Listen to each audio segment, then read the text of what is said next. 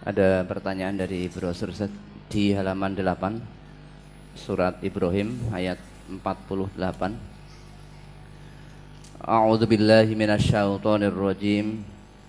Yauma tubaddalul ardu ghairal ardi bas samawati wa barazu lillahil wahidil qahhar. Pada hari ketika bumi diganti dengan bumi yang lain dan demikian pula langit dan mereka semuanya di padang maksar berkumpul menghadap kehadirat Allah yang Maha Esa lagi Maha Perkasa. Apakah maksud dari ayat ini adalah setelah hari kiamat ada kehidupan lagi seperti kehidupan yang ada di dunia ini Ustaz? Kehidupan sesudah mati yang jelas kita yakin ya. Sesudah manusia di dunia ini nanti mati dimatikan semua kemudian dihidupkan lagi.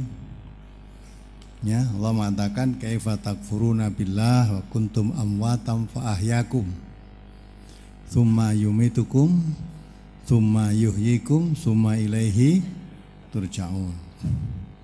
Mengapa kamu kafir kepada Allah?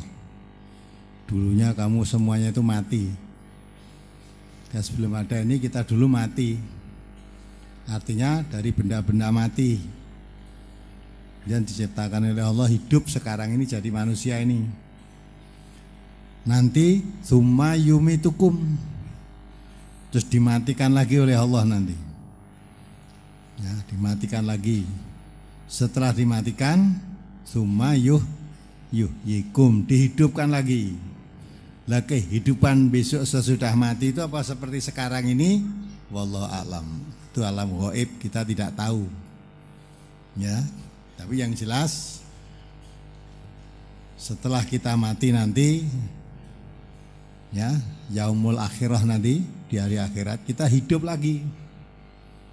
Ya, dihidupkan oleh Allah untuk mempertanggungjawabkan semua perbuatan yang sudah kita lakukan sekarang ini. Ya. Nah, nanti apa hidupnya seperti sekarang ya nanti ditunggu aja tuh. Nanti saatnya saya akan terangkan seperti sekarang, nanti kayak tidak. Tapi yang jelas harus diyakini bahwa besok ada kehidupan dan hidup yang sesungguhnya justru hidup nanti. Kalau sekarang ini kan hidup sementara saja, nanti akan mati. Kalau hidup di akhirat nanti tidak ada kematian lagi sudah untuk menjadi warga MTA dan aktif mengaji di cabang, saya telah diancam oleh komite dan kades, tapi hanya dua orang, tetapi mengaku dari masyarakat luas agar saya tidak masuk di MTA lagi. Jika tidak, saya akan dimutasikan dari wilayahnya. Karena diancam itu tidak saya hiraukan sampai sekarang, maka kurang lebih satu minggu yang lalu saya dipanggil oleh atasan saya. Oleh atasan saya, saya diberitahu bahwa saya sekarang dikembalikan ke kantor. yakni tidak diterima lagi di tempat tugas saya saat ini. Hmm. Dengan tuduhan saya telah membawa resah masyarakat dan sebagai PNS sudah tidak bisa membawa atau memberikan rasa sejuk di mana saya berada dan dikhawatirkan akan mempengaruhi minat masyarakat untuk menyekolahkan putra putrinya di sekolah kami. Ya. Padahal kenyataannya masyarakat adem ayem dan menghormati saya juga sejak saya menjadi kepala sekolah di situ semakin tahun semakin bertambah siswanya. Pertanyaan yang pertama, apakah saya harus diam saja dengan tuduhan tersebut di atas Ustaz? Kemudian yang kedua, bolehkah saya menunjukkan brosur-brosur yang ada kepada atasan saya karena atasan saya ngendiko ngaji kok hanya lewat brosur dan radio. Yang ketiga, bagaimana dengan adanya madhab-madhab? Apakah MTA mengakui adanya madhab tersebut? Mengakui dengan memakai tidak sama kan Pak Ustadz? Sebab pada waktu saya ditanya oleh atasan saya, saya jawab, ya MTA mengakui adanya mazhab-mazhab itu. Karena di dalamnya juga ada dalil-dalil Al-Quran dan hadis-hadisnya. Tetapi beberapa hari kemudian saya dengar dari siaran ulang jihad pagi Pak Ustadz menjawab pertanyaan tentang madhab, madhab MTA tidak ikut salah satu madhab mohon penjelasannya dan juga mohon solusinya atasamu di mana tuh kamu sebagai apa jadi sebagai PNS kepala sekolah. Kepala sekolah lah. Atasannya kepala sekolah itu apa? Eh? Apa? Pengawas. Atasannya pengawas apa? Ya. Baru kepala sekolah karo pengawas kok takut Malah pengawas itu tuduh noben melek matane. Iya. Kamu lihat sekarang kemarin saya dengarkan Pro 3 radio RRI itu dan peringatan Hari Kesehatan Jiwa Sedunia. 450 juta manusia di dunia itu menderita penyakit apa? Depresi. Ya. Sepertiganya itu di negara berkembang termasuk di Indonesia. Maka kemarin tayangan TV lihat nggak? Ada wanita nyupir nabrak polisi barang itu. Karena apa itu? Tidak hanya satu, sebelum itu juga wanita juga nyopir nabrak anak itu banyak yang meninggal itu. Kemarin wanita yang kemarin itu malah ya nganggo kotang tok pakai celana pendek ya telanjang lah nyopir udah nabrak uang belum lagi di sana sini terjadi tawuran belum lagi pembunuhan terhadap orang yang membunuh kita enak baik itu menandakan orang itu sakit jiwa.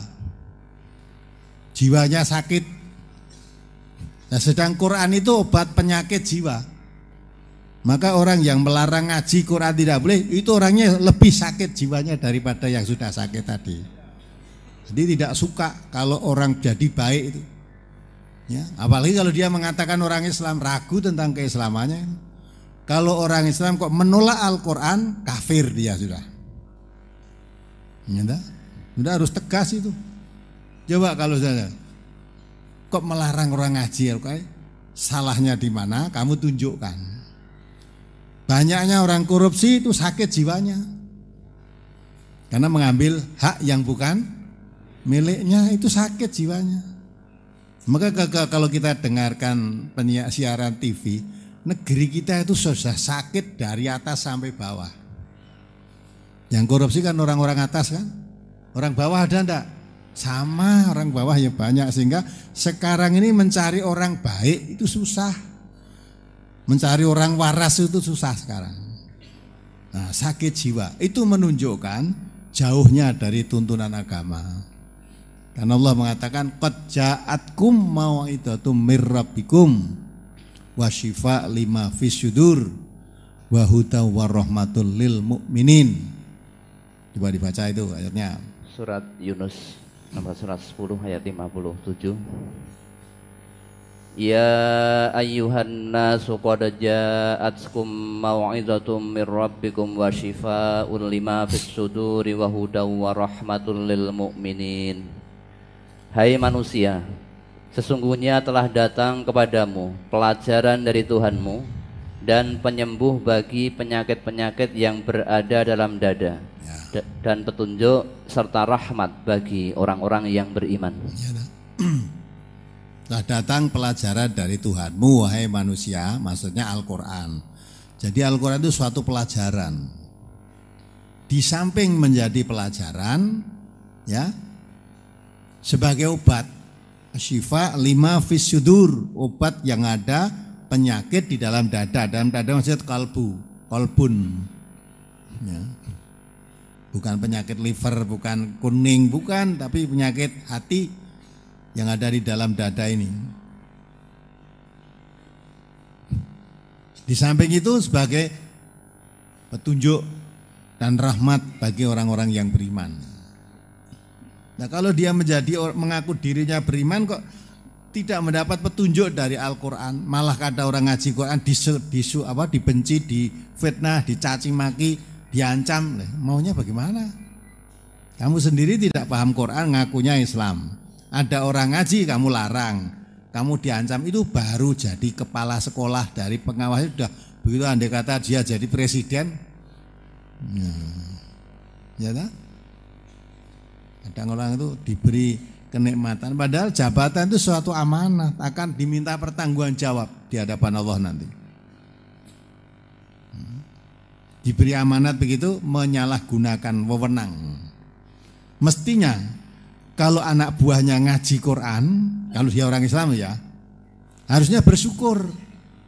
Alhamdulillah semua dong ngaji Quran sehingga dia akan dapat pelajaran di Al-Quran sehingga di lingkungan kepegawaian saya anak saya nanti akan menjadi baik semua karena dituntun dengan Al-Quran harusnya gitu. Ya. Karena Quran diturunkan oleh Allah itu memperbaiki manusia. Manusia manusia waktu Quran turun manusia jahiliyah saat itu Ya seperti sekarang lah jahiliyah. Nah sekarang modern. ya. Dunia menjadi baik karena Quran. Dunia menjadi aman damai karena Quran sampai Allah mengingatkan wadhkuru ni'matallah alaikum id kuntum a'da'am fa'alafa baina qulubikum fa asbahtum bi ni'matihi ikhwana. Coba dibaca surat Al Imran tuh surat. Ya. Surat Al Imran ayat 103 Wa'tasimu bihablillahi jami'an wa la tafarraqu Wadhkuru ni'matallahi alaikum idh kuntum a'da'an fa'allafa baina qulubikum fa'asbahtum bi ni'matihi ikhwana wa kuntum ala syafa khufratin minan nari fa'anqadhakum minha. Kadzalika yubayyinullahu lakum ayatihi la'allakum tahtadun. Dan berpeganglah kamu semuanya kepada tali agama Allah dan janganlah kamu bercerai-berai dan ingatlah akan nikmat Allah kepadamu ketika kamu dahulu yakni pada masa jahiliyah bermusuh-musuhan. Nah ini lah. Kamu ingatlah. Ketika kamu dahulu masa jahiliyah kamu selalu bermusuhan. Perang-perangan tiap hari seperti sekarang ini. Ada masalah sedikit perang, nah pelajar perang, ya suku perang, antar kampung perang. Ya, udah dulu seperti jahiliyah begitu, ada masalah sedikit perang. Hmm. Terus? Maka Allah mempersatukan hatimu. Lalu menjadilah kamu karena nikmat Allah orang-orang yang bersaudara. Ya. Dan nah. kamu telah berada di tepi jurang neraka, lalu Allah menyelamatkan kamu daripadanya. Demikianlah Allah menerangkan ayat-ayatnya kepada kamu agar kamu mendapat petunjuk. Ya, diterangkan ayat Allah supaya kamu dapat petunjuk. Waktasimu bihablillahi jami'an. Hablillah itu maksudnya Quran. Ya, agama Allah, agama Allah kalau kita bicara agama Allah mesti Islam. Inna dina indallah karena tidak ada agama selain Islam. Agama yang di, diakui oleh Allah itu di sisi Allah itu hanya Islam. Inna dina indallahil Islam. Maka berpegang teguh agama Allah maksudnya berpegang teguh Islam. Kalau berpegang teguh Islam sumbernya Islam itu dari Qur, Quran. Maksudnya sudut pegang teguh Al-Quran. Ya. Kalau kamu pegang teguh Al-Quran, jangan sampai terjadi cerai-berai. Ingatlah dulu kamu sudah bercerai-berai. Wadhkuru nikmatallahi alaikum id kuntum a'da'am fa'alafa baina qulubikum. Di kamu jahiliyah dulu Allah menyatukan hatimu dengan nikmat Allah itu dengan Islam, dengan Quran. Sehingga yang kamu selalu bermusuh-musuhan akhirnya menjadi ikhwana, menjadi bersaudara. Wa kuntum ala syafa khufrati minan nar fa minha. Kamu dikatakan oleh Allah ibaratnya kamu sudah di tepi jurang neraka. Karena kamu dalam keadaan kafir, saling berperang, andai kata mati masuk neraka kamu. Mati dalam kekafiran masuk neraka.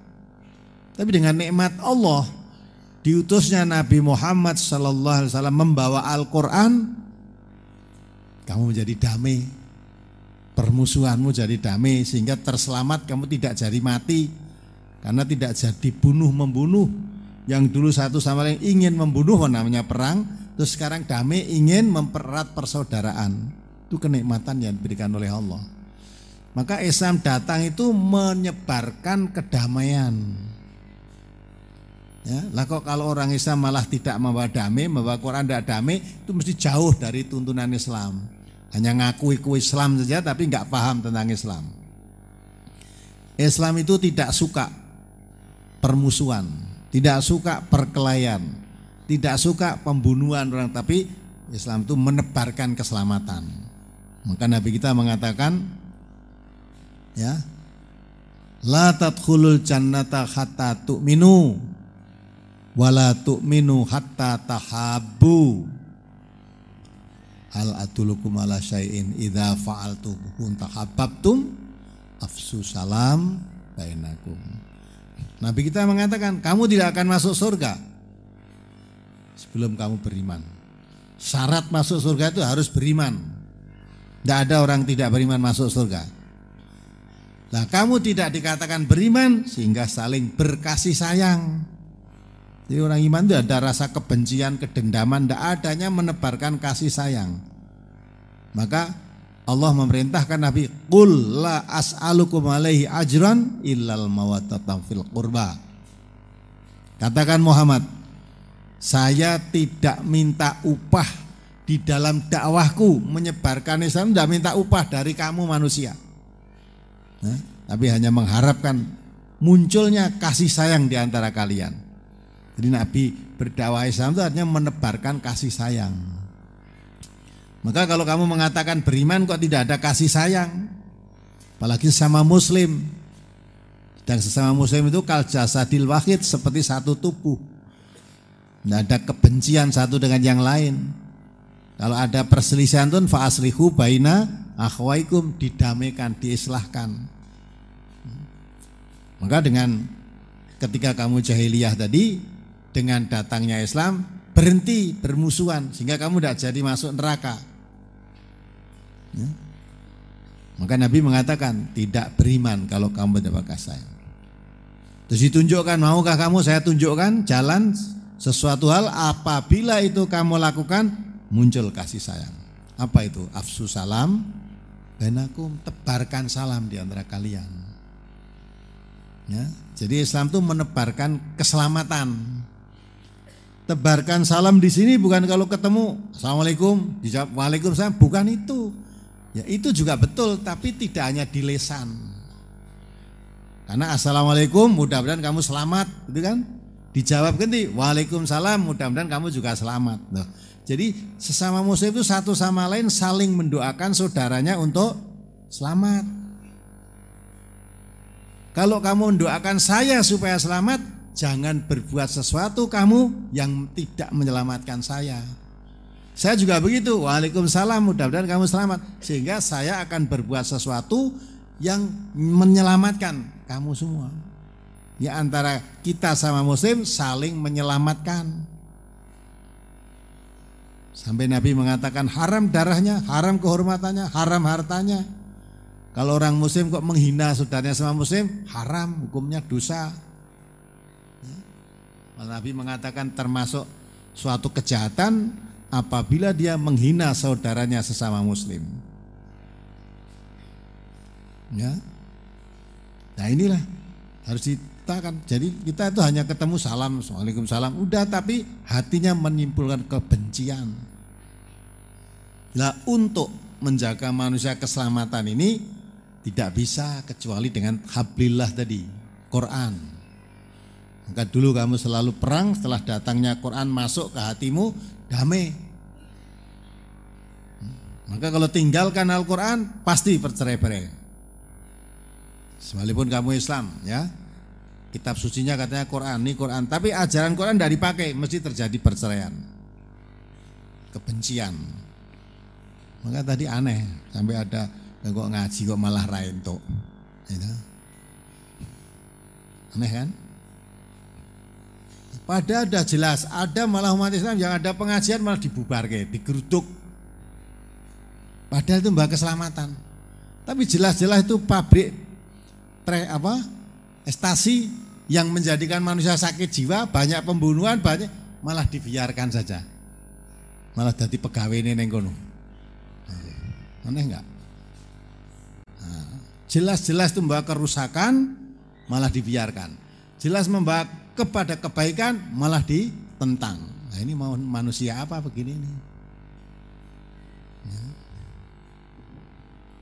Maka jangan harapkan baik tanpa Al-Quran. Kita seluruh warga masjid tafsir Al-Quran harus mempunyai keyakinan. Manusia ini baik secara pribadi, masyarakat atau negara. Tanpa Al-Quran tidak mungkin bisa jadi baik ya harus yakin kalau manusia tanpa Quran bisa jadi baik Allah sia-sia mengutus Nabi Muhammad. Sia-sia menurunkan kitab suci Al-Quran. Wong tanpa Quran jadi baik kok tidak nurunkan Quran barang. Ya. maka itu kita harus yakin manusia tanpa Quran tidak jadi baik. Nah, untuk itu maka kita mulai dari diri kita sendiri. Saya ingin jadi orang baik kita kaji Quran, kita amalkan Quran. Perintah Quran juga menerangkan jangan hanya dirimu sendiri, keluargamu dijaga, ku angfusakum wa ahlikum. Jadi dijaga dirimu dan keluargamu. Juga kerabat-kerabatmu wa andir asuratakal akrobin. Beri peringatan kerabat-kerabatmu yang dekat itu. Udah ya, ya sekarang kita jawab minggu yang lalu dulu. Nanti pertanyaan bebas kalau ada waktu nanti. Tanggal 23 September. Yo. Tentang sholawat, apa ada tuntunannya apabila khotib mengucapkan Nabi, khotib mengucapkan Nabi Muhammad, lalu jamaahnya menjawab Sallallahu Alaihi Wasallam. Memang itu ada hadis Nabi, ya, bacakan saja ya hadisnya. An Ali bin Abi Thalib. Ya, Ali anaknya Abu Thalib. Kola. Kola Rasulullah sallallahu alaihi wasallam al bakhilul ladzi mandukirut mandukirtu indahu falam yusalli alayya ya. dari Ali bin Abu Thalib ya berkata Rasulullah SAW bersabda orang yang bakhil adalah orang yang namaku disebut di sisinya tetapi ia tidak bersolawat kepadaku. Hadisnya itu mungkin yang dipakai hadis riwayat Tirmidzi juz 5 halaman 211 nomor 3614 itu hadisnya. Apalagi? Apakah ada tuntunannya apabila berdoa supaya membaca sholawat Nabi Ustaz? ya itu adab. Yang biasa kan baca sholawat. Itu ya pertama memuji Allah kemudian ada sholawat baru yang lain ya.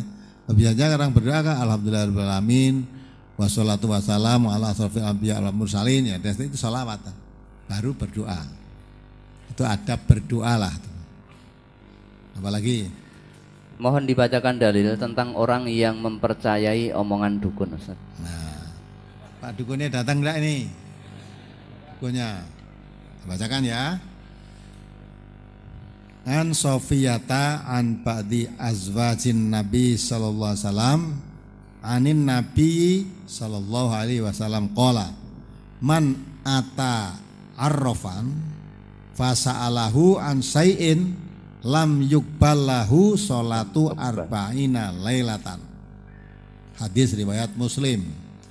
Dari Sofiyah, dari sebagian istri Rasulullah SAW, beliau bersabda, beliau bersabda, barang siapa, ya, barang siapa yang datang kepada dukun atau tukang ramal, lalu menanyakan sesuatu kepadanya, maka tidak diterima sholatnya selama 40 malam. Hadis riwayat Muslim juz 4 halaman 1751. Lagi ya. An Abdillahi qala Man ata arrofan au kahinan fa asalahu yu'minu bima yaqulu faqad kafara bima unzila ala Muhammadin sallallahu alaihi wasallam. Dari Abdullah, maksudnya Abdullah bin Mas'ud, ia berkata, barang siapa yang datang kepada tukang ramal atau dukun, menanyakan sesuatu kepadanya, dan percaya kepada apa yang dikatakannya, maka sungguh dia telah kafir kepada apa yang diturunkan kepada Muhammad Sallallahu Alaihi Wasallam. Jadi orang dukun nanyakan sesuatu, dia percaya pada dukun itu. katakan ini berarti kamu sudah kafir kepada apa yang diturunkan kepada Muhammad SAW yang diturunkan kepada Nabi apa? Al-Quran. Berarti kamu sudah kafir terhadap Al-Quran. Kan banyak tuh datang kepada dukun menanyakan ini ya. Nah itu sudah. Apa kata dukun digugu nah itu berarti kamu mengkufuri Al-Quran. Sholatmu 40 hari hilang datang kepada dukun ya. Terus baca apa seribu satu kali yat malam ya. Nanti akan datang jin dari Baghdad membawa kotak isi uang. Nah dah. Percaya. Baca beberapa bulan baca itu ternyata jin dari Baghdad yang bawa uang tidak datang. Nah, bareng ke radio baru kroso nek dihapusi. Nah, coba anda kata jin dari Baghdad nggak sekotak isinya uang. Uang dari Baghdad itu duit apa gue? Ya, kok sih nggak jin ini terus gimana? Nah, dari lihat itu sebenarnya terasa nek kapusan itu terasa. Terus suruh beleh, kemarin ya kemarin tuh beleh beleh ayam jemani yang ireng kabeh. Ya dah. Katanya sulit dicari, kalau sulit dicari, kalau suruh carikan saya, saya ada, tapi harganya tiga setengah juta. Lah dilakukan kan apa yang pitik rego tiga setengah juta mung dibelah gue selamatan itu dihapusi itu jelas. Nah termasuk ini bapak-bapak saudara yang menyerahkan jimat itu kan habis kapusan dukun-dukun itu. Sudah ribuan jimat yang kamu serahkan ini. Nanti ada yang menyerahkan jimat enggak? Ya, mudah-mudahan wis entek mudah-mudahan. Ya kan? Nah, itu kapusan itu. Jimat yang diserahkan gini kan ada untuk menyuburkan tanaman, untuk menolak bahaya, untuk menghalau angin, udah macam-macam tuh.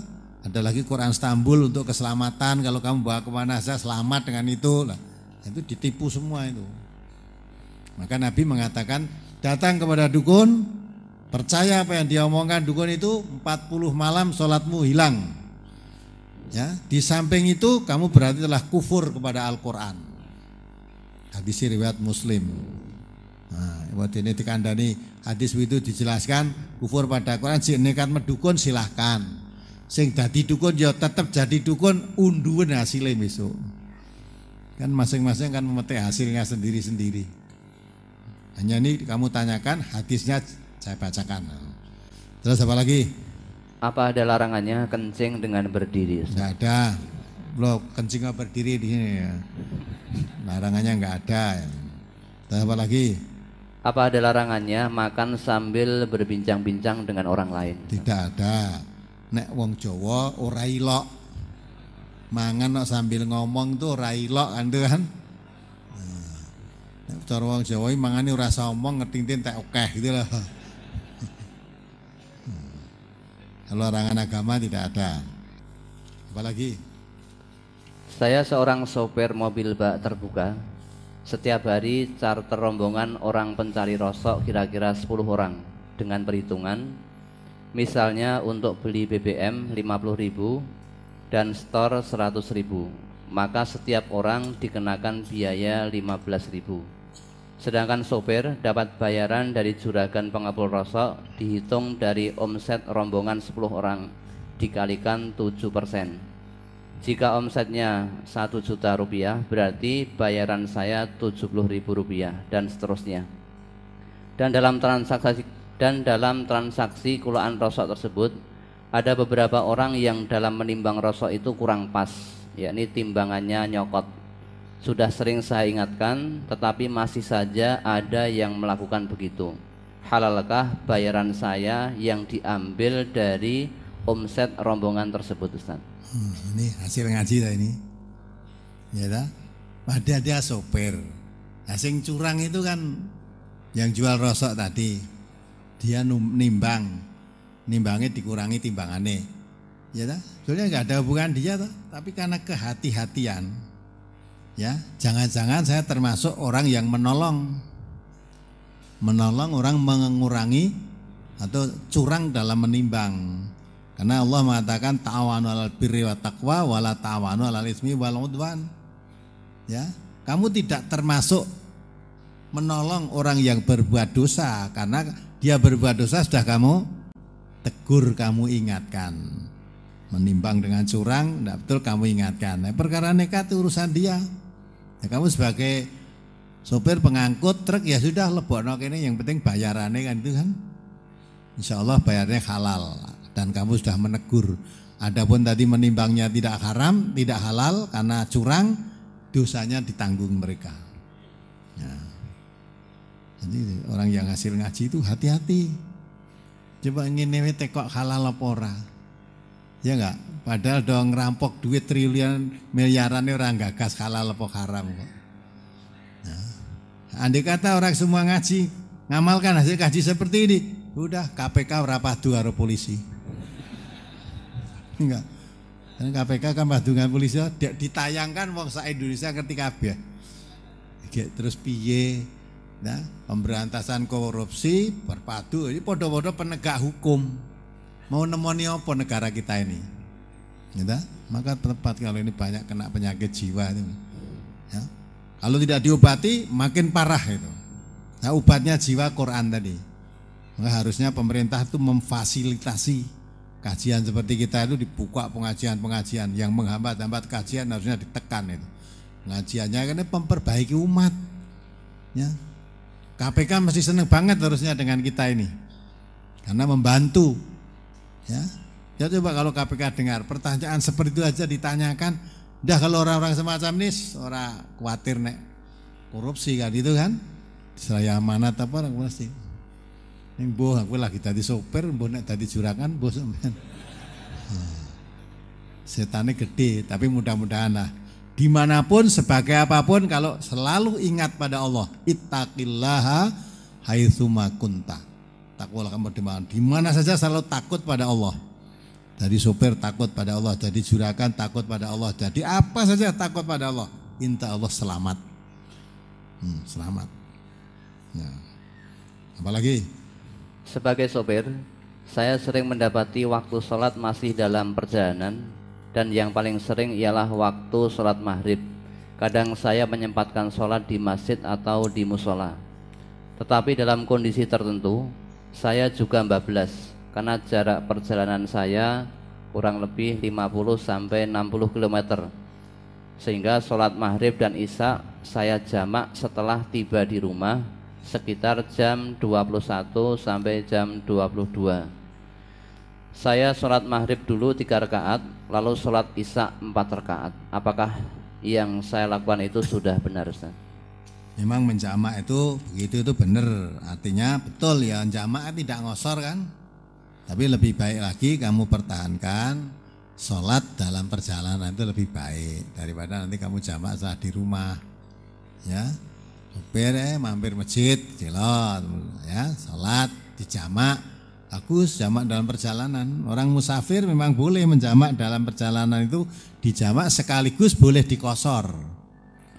Ya jadi kebiasaan yang sudah tadi mampir sholat itu lebih baik ya sekaligus raup wudhu itu kan itu kan penyegaran lagi ya itu lebih baik dikerjakan yang sudah biasa itu jamaknya jangan di rumah tapi dalam perjalanan tadi.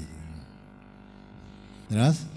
Mohon dijelaskan tentang pelaksanaan sholat sunnah ba'diyah Jum'ah Apakah ada penjelasan dalam hadis bahwa pelaksanaannya dua rakaat dua rakaat Ustaz? Jadi dalam sholat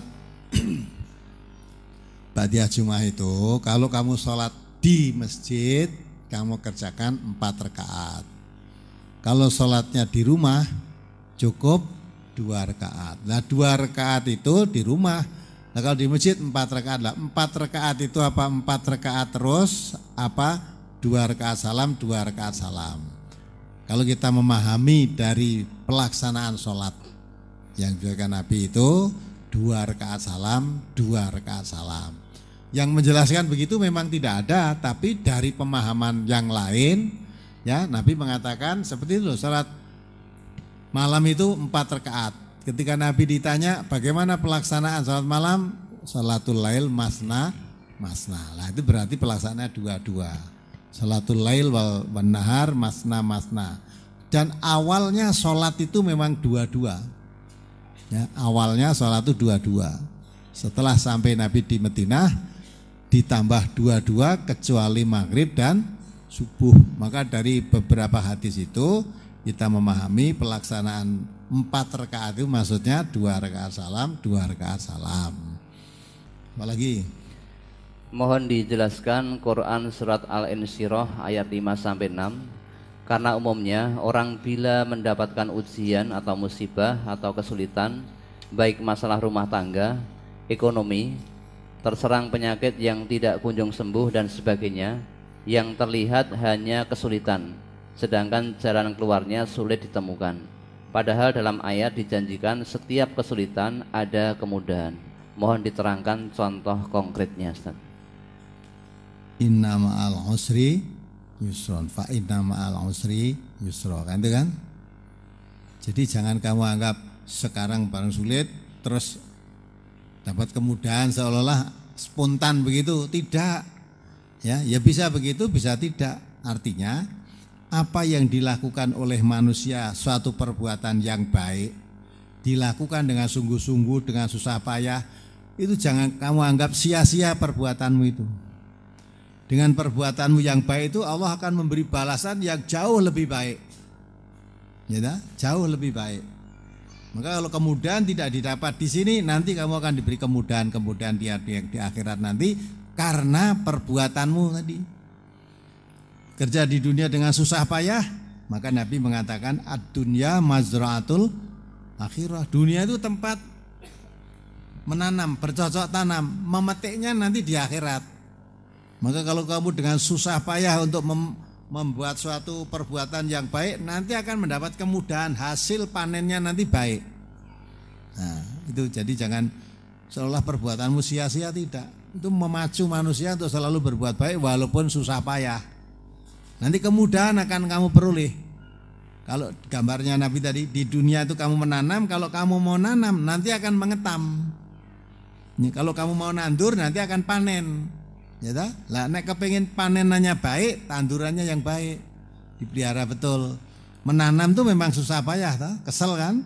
Mana menanam dengan ini ada pupuknya dan cabuti rumputnya. Gawean tok, kok kesel. Lah nanti hasil panennya kamu tinggal menikmati.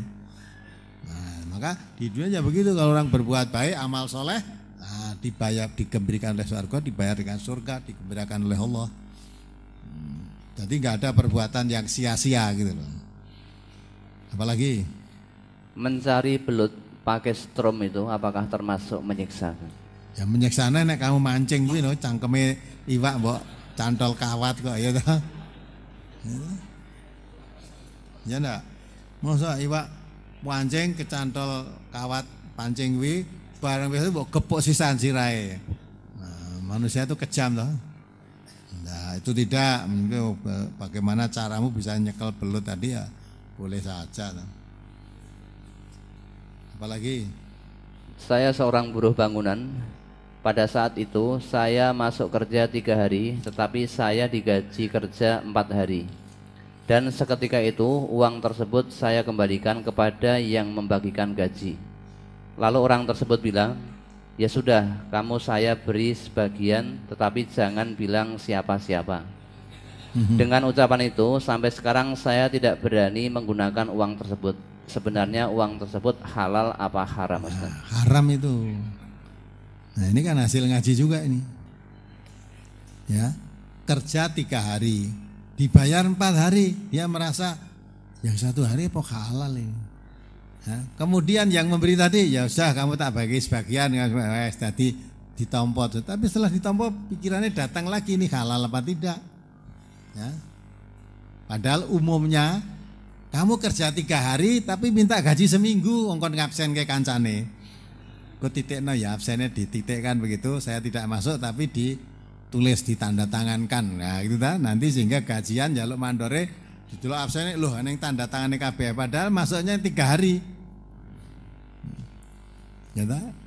Tapi karena hasil ngaji kebablasan sehari, saya hanya tiga hari. Kenapa dibayar empat hari?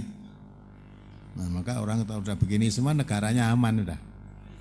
Kalau orang itu seperti ini semua, seperti saudara ini, yang mudah-mudahan sudah bertahan lurus begitu, dah tidak akan ada korupsi, tidak akan membuat KPK barang nggak perlu.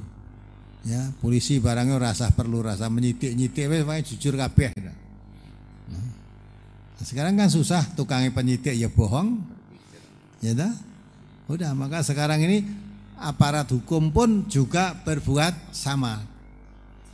Tukang menyidik padahal dia itu ya mestinya pantas disidik juga lah, jadi kacau kan.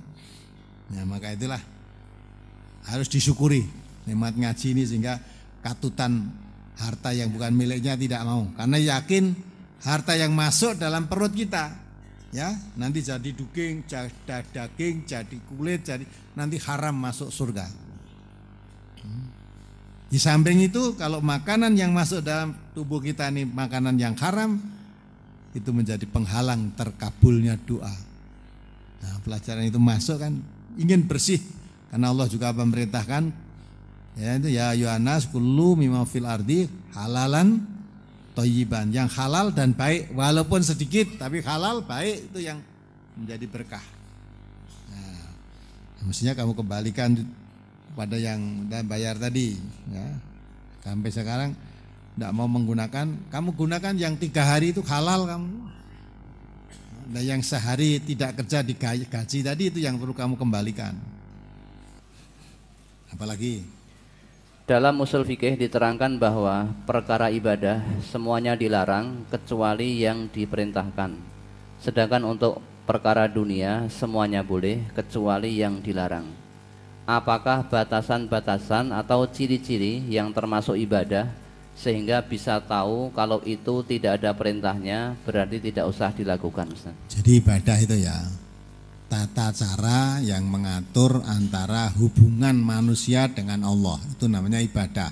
Apa berdoa apa sholat atau puasa atau dikir dan sebagainya. Itu ibadah. Pokoknya tata cara hubungan makhluk hamba manusia ini terhadap Allah nah itu ibadah maka harus ada contoh nah, harus ada contoh dari Nabi ada perintah selama tidak ada perintah tidak ada contoh jangan dilakukan ada perintah, pelaksanaannya harus mengikuti contoh. Lah yang diangkat memberi contoh yang baik siapa? Rasulullah laqad kana lakum fi Rasulullah uswatun hasanah. Uswah hasanah itu Rasulullah. Maka kita harus yakin bahwa manusia yang paling tahu tata cara mendekatkan diri kepada Allah itu Rasulullah. Maka kalau mendekatkan diri kepada Allah mengikuti cara Rasulullah itu yang paling benar. Jangan sampai Rasulullah sudah menentukan cara kita membuat sendiri. Ya misalnya Rasulullah nuntunkan kalau ada orang mau mati dituntunkan supaya membaca apa? Supaya ditalkinkan membaca la ilaha illallah. Ya kalau ada orang mau mati sakaratul maut dituntun supaya membaca la ilaha illallah. La ilaha illallah itu dituntunkan di situ. Itu tuntunan Rasulullah. Jangan terus kamu tidak suka itu buat sendiri. Nah, baca ke Yasin wae nek mati gendang mati. Nah, padahal Rasulullah tidak menuntunkan begitu lah kok kamu membuat sendiri. Nah, itu itu namanya ibadah yang tidak menurut tuntunan Rasulullah. Rasulullah membuat aturan kalau kamu mau beribadah nusuk nusuk itu ibadah wujudnya menyembelih hewan. Ya, mau ibadah ada hubungan bayi lahir sembelihkan kambing pada hari ke tujuh. Jelas pada hari ketujuh. Lah kamu menyembelih kambing akikoh tapi tidak hari ketujuh. Lah namanya kan tidak nurut aturan. Jadi namanya ibadah itu mesti ada aturannya, ada ketentuannya, ada waktu-waktunya gitu lah. Maka urusan dunia bebas. Selama tidak ada larangan, silakan. Tapi urusan urusan ibadah harus lihat contoh. Ya, terus Ketika saya melihat film Umar bin Khattab pada episode penyiksaan terhadap orang yang baru masuk Islam, misalnya Bilal, lalu muncul pertanyaan, mengapa Abu Bakar, Ali, dan Utsman bin Affan tidak mendapat siksaan? Kok sepertinya enak tidak mendapatkan gangguan dari orang-orang kafir Quraisy? Hmm. Kamu nggak tahu orang dulu itu ya, makanya namanya jahiliyah orang yang mendapat seksaan, dapat cemoohan, dapat tekanan itu terutama orang-orang yang lemah dan budak. Budak-budak itu disiksa majikannya kalau dia tidak mentaati aturan majikannya. Orang-orang lemah, ya orang melarat, orang miskin. Abu Bakar itu orang kaya. Ya. Dan banyak sedekah beliaunya. Maka tidak berani. Berolol Abu Bakar nggak berani. Umar itu orang kuat juga. Kaya dan kuat. Ya. Ketika zaman jahiliyah orang Islam mau masuk Islam terang-terangan saja kalau kelihatan Umar takut. Maka setelah jadi orang Islam, lah orang-orang kafir ya takut dengan Umar. Tapi Bilal itu budak, maka dia masuk Islam ya oleh majikannya namanya Umayyah bin Khalaf dipanggil itu lepaskan ajaran Muhammad yang tidak mau ya terus dianiaya itu. Nah, karena Abu Bakar orang kuat maka melihat budak dianiaya majikannya karena Islam ditebus oleh Abu Bakar. Mintanya berapa dibayar, telah ditebus oleh Abu Bakar, dimerdekakan. Nah, itu memang zaman jahiliyah seperti itu. Sekarang pun ya begitu. Yang mengamalkan hasil kaji dan sebagainya orang yang mendapat tekanan-tekanan itu biasanya ya orang yang lemah dan ekonominya lemah juga gitu loh. Tapi orang yang kaya apalagi mempunyai jabatan ya tidak dianiaya seperti yang tidak. Itu sudah sunatullah seperti itu sepertinya enak. Tapi bukan berarti enak. Abu Bakar pun juga pernah mendapat ya, tekanan dari kaumnya, cemoohan juga. Tapi Abu Bakar ya, orang kaya dan orang yang maka disebut Abu Bakar Ashidik itu ya karena selalu membenarkan apa yang dikatakan oleh Rasulullah itu. Apalagi mengapa ibu dan bapak Nabi masuk neraka padahal Nabi Muhammad belum lahir? Lalu bagaimana dengan orang-orang yang belum terkena dakwah Islam kemudian mati Misalnya orang Indonesia dahulu yang hidup pada masa sebelum Islam masuk ke Indonesia dan mereka masih animisme Hindu atau agama lain dan mereka belum pernah mendengar Islam. Mereka itu termasuk yang bagaimana Ustaz? Ya, kalau itu mudah-mudahan tidak diseksa oleh Allah. Coba dibaca surat Bani Israel ayat 15. Surat kalau memang belum pernah ada penyampaian dakwah kepada mereka, ya mudah-mudahan tidak diseksa oleh Allah. Surat Al-Isra nomor surat 17 ayat 15. Man ihtada fa innama yahtadi li nafsi wa man dhalla fa innama yadhillu 'alaiha wa la taziru waziratu wizra ukhra wa ma kunna mu'azzibina hatta nab'atha rasula. Barang siapa yang berbuat sesuai dengan hidayah Allah maka sesungguhnya dia berbuat itu untuk keselamatan dirinya sendiri. Dan barang siapa yang sesat, maka sesungguhnya dia tersesat bagi kerugian dirinya sendiri. Dan seorang yang berdosa tidak dapat memikul dosa orang lain dan kami tidak akan mengazab sebelum kami mengutus seorang rasul. Ya, kami Allah tidak akan mengazab sebelum diutusnya atau mengutus seorang rasul kepada manusia itu. Memang dulu Islam belum masuk di Indonesia, orang-orang Indonesia masih punya kepercayaan yang lama, belum pernah ada dakwah, belum ngerti, ya mudah-mudahan dia mati menurut ayat ini tidak diazab oleh Allah. Apa termasuk surga? Nah, surga itu tempatnya orang yang bertakwa. Amanu wa amilus salihah. dia belum mendapat tuntunan ya bagaimana dia bertakwa ya berarti ya tidak masuk surga kan itu kan kalau masuk neraka lawang dia urung tahu lah terus manggon ngendi? Ndak usah ikut mikir. Itu urusan Allah. Urusan Allah itu.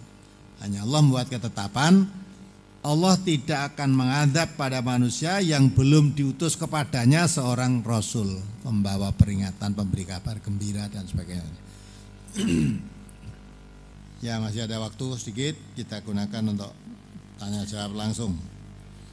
Dari bapak di lantai dua dulu, dua bapak, kemudian nanti dua ibu. Silakan bapak. Oke, sebutkan nama dan alamatnya. Assalamualaikum warahmatullahi wabarakatuh. Nama saya Pujo dari binaan Bambang Liburo Bantul Daerah Istimewa Yogyakarta. Oh, yang kemarin diresmikan presiden itu gubernurnya. Ya, mari Ibu, Bapak. Oke. Pertanyaan nomor satu. Ada beberapa pertanyaan yang lain nanti titipan dari binaan Kecamatan Pelayan, Gunung Kidul. Untuk itu mungkin ada beberapa pertanyaan, ada mungkin ada empat atau lima. Pertanyaan yang pertama, Maksimal tiga pak. Ya. Nah, dua orang sih Pak. Ya, ya. Oke, nanti Nganyang dua orang. Nanti ya, tapi Wakili, oke, oke. Jangan, jangan sulit-sulit loh Pak ya. Mungkin betul Pak. Nomor satu,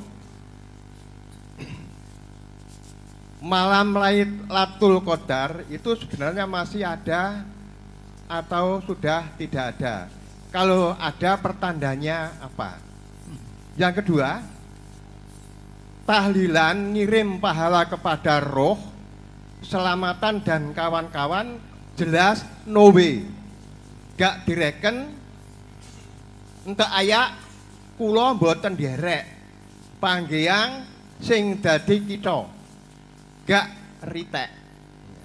Tapi tadi Ustadz juga masih membuka peluang atau mem- menyalakan lampu hijau untuk makmum di belakang imam yang masih nguri-uri barang yang doif karena kunut itu dalam kumpulan buku hadis yang populer ya, palsu dan lemah yang populer di Indonesia itu jelas dikatakan di sana hadisnya doif. Apakah si makmum tadi tidak termasuk pendukung penguri-uri hal yang doif doif tadi?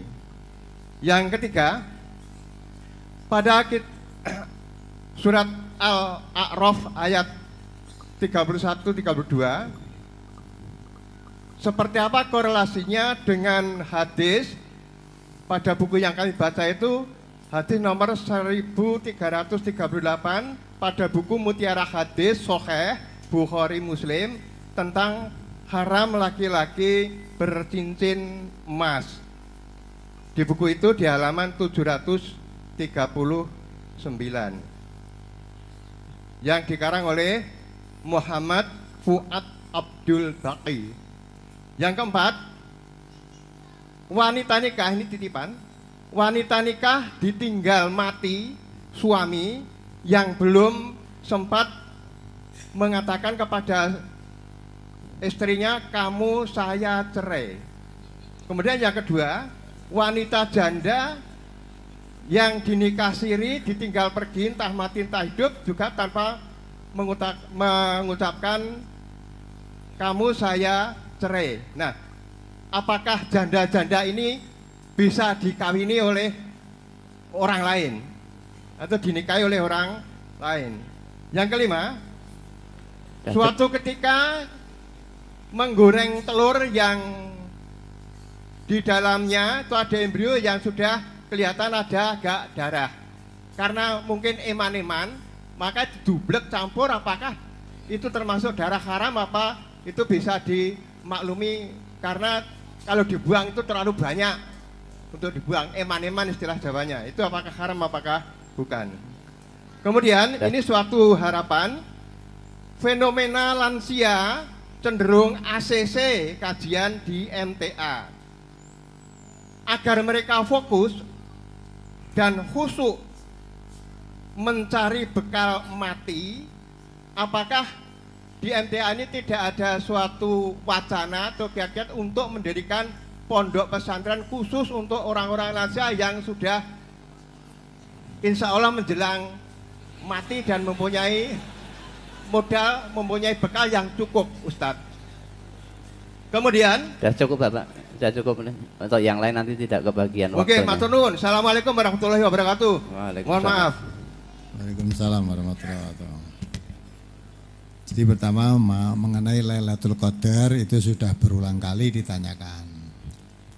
Ya, di sini juga saya terangkan juga kalau yang dimaksud Lailatul Qadar itu malam turunnya Al-Qur'an itu jelas. Sudah tidak ada lagi malam turunnya Al-Qur'an. Karena Al-Qur'an itu diturunkan ketika zaman ma- masih Nabi masih hidup. Setelah Nabi wafat, Quran sudah tidak akan turun lagi. Hmm. Maka kalau yang dimaksud Lailatul Qadar malam turunnya Al-Quran, sekarang sudah tidak turun. Apalagi kalau yang disebut malam Lailatul Qadar itu turunnya Quran yang pertama kali ya itu sudah lebih jelas lagi juga tidak ada adapun ya tiap-tiap bulan Ramadan Nabi kan menganjurkannya tiap nah kalau sudah sepertiga dari bulan Ramadan yang akhir dari tanggal-tanggal yang ganjil itu Lailatul Qadar ketika itu kan Nabi masih hidup. Nah sekarang sudah tidak Nabi tidak ada tidak ada. Kalau orang mau menghidup-hidupkan malam Lailatul Qadar ya istilahnya memperingati aja lah. Maka kalau memperingati merasa senang merasa bangga dengan turunnya Al-Qur'an maka setiap malam Ramadan ya setiap malam Ramadan itu pun juga berbeda pendapat malam Ramadan juga ganjil atau lagi yang berpendapat pokoknya malam Quran diturunkan bulan Ramadan ya Lailatul Qadar itu dari tanggal 1 sampai hari tanggal terakhir Ramadan ya itu perlu di apa tuh dicari kalau memang mengharapkan itu. Nah, sehingga kalau mau menyuburkan atau menghidup-hidupkan malam Lailatul Qadar, gunakanlah malam itu untuk banyak beribadah, untuk banyak baca Quran, karena ini mengagung-agungkan mengenang peristiwa turunnya kitab suci Al-Quran yang sangat bermanfaat buat manusia yang beriman. Seperti tanggal 17 Agustus sebenarnya kalau tanggal 17 Agustus tahun 45 hari proklamasi itu tiap tahun tanggal 17 Agustus itu turun, ada gitu, datang. Datang. Tapi tanggal 17 Agustus proklamasi ya hanya sekali itu saja tahun 45 itu. Nah, tiap tahun tanggal 17 Agustus datang itu kalau memperingati bagaimana? Nah, memperingati itu mengenang peristiwa dulu.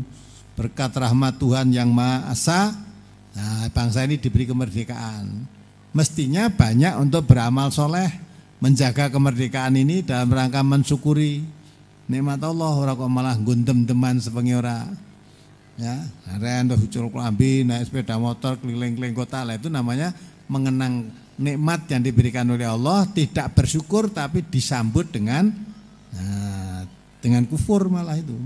Nah, mestinya menyambut Lailatul Qadar ya seperti itu. Banyak beribadah banyak baca Quran banyak zikrullah lah gitu. Merasa mengagungkan Allah dengan turunnya Al-Quran itu.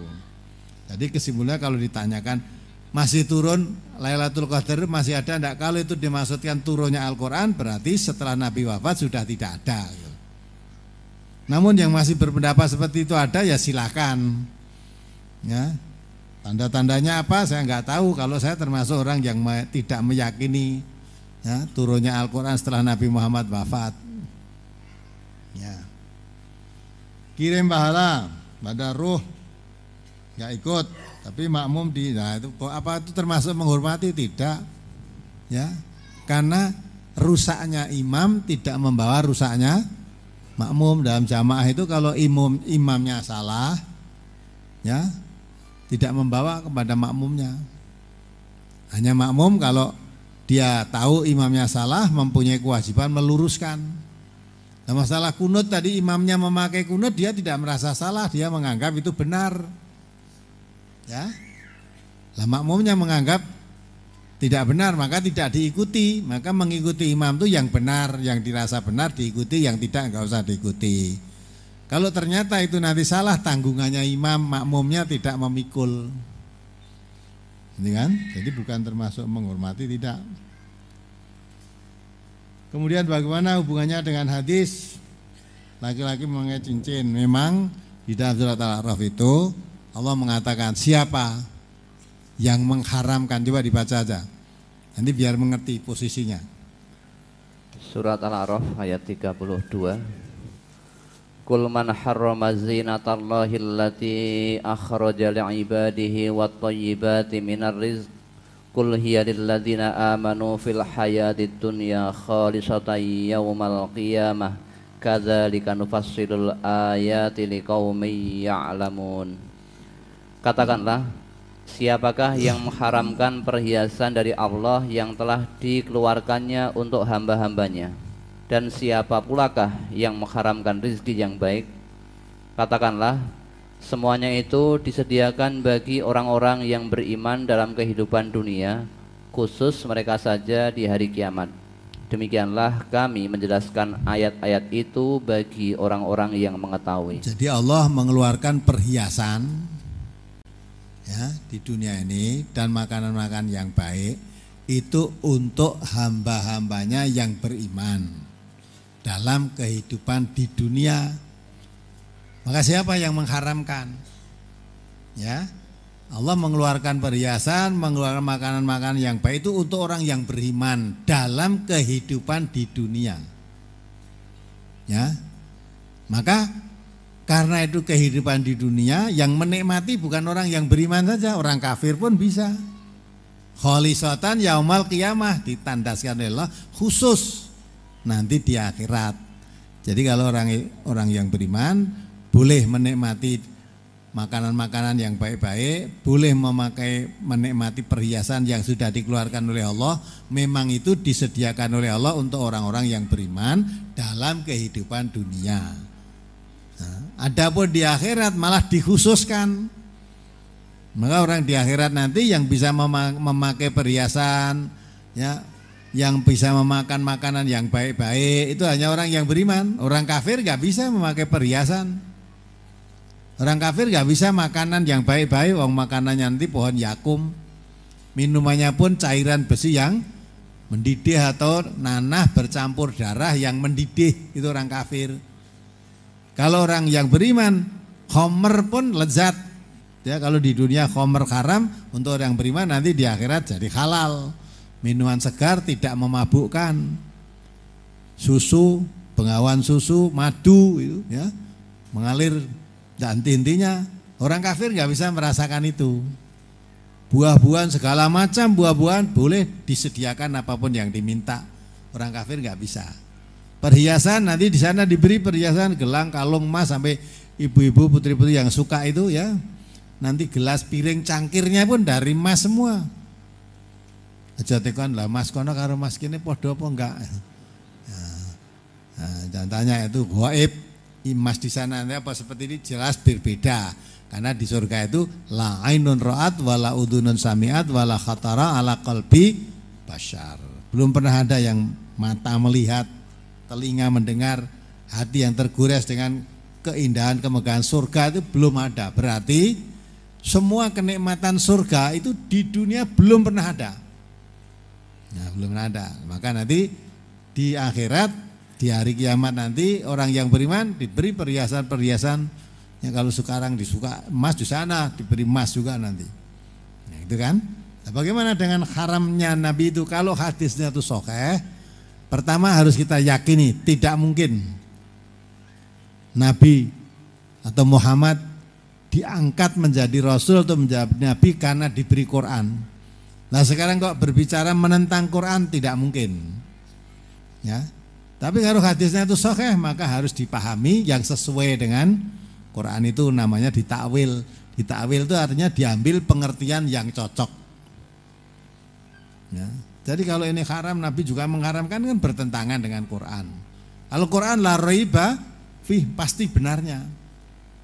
Maka Nabi mengatakan itu tentu ada arah-arah tertentu, mungkin mendidik ya, supaya orang tidak berlebih-lebihan bermegah-megahan padahal zaman saat itu memang ya perjuangan sangat membutuhkan daripada kamu untuk bermegah-megah berbangga-bangga itu gunakan untuk sabilillah nah, maka tingkatan haram memakai emas di situ tidak seperti haramnya di dalam Al-Quran paling tinggi ada yang berpendapat paling tinggi hukumnya hanya ma makruh memakai ya boleh tidak berdosa tidak memakai lebih baik itulah yang ini salah roh tadi terus istri yang ditinggal mati suami tanpa dicerai. Ya, orang sah dicerai kalau tinggal mati kan otomatis. Ya dah. Masa ar mati apa wah bojoku lali loh tak cerai terus uripnya mencerai ya ndak usah. Ya, istri ya tinggal mati suaminya otomatis dah cerai itu namanya cerai mati. Masa idahnya empat bulan sepuluh hari. Jadi istri yang ditinggal mati suami kalau mau nikah lagi tunggu empat bulan sepuluh hari baru boleh nikah dengan orang lain.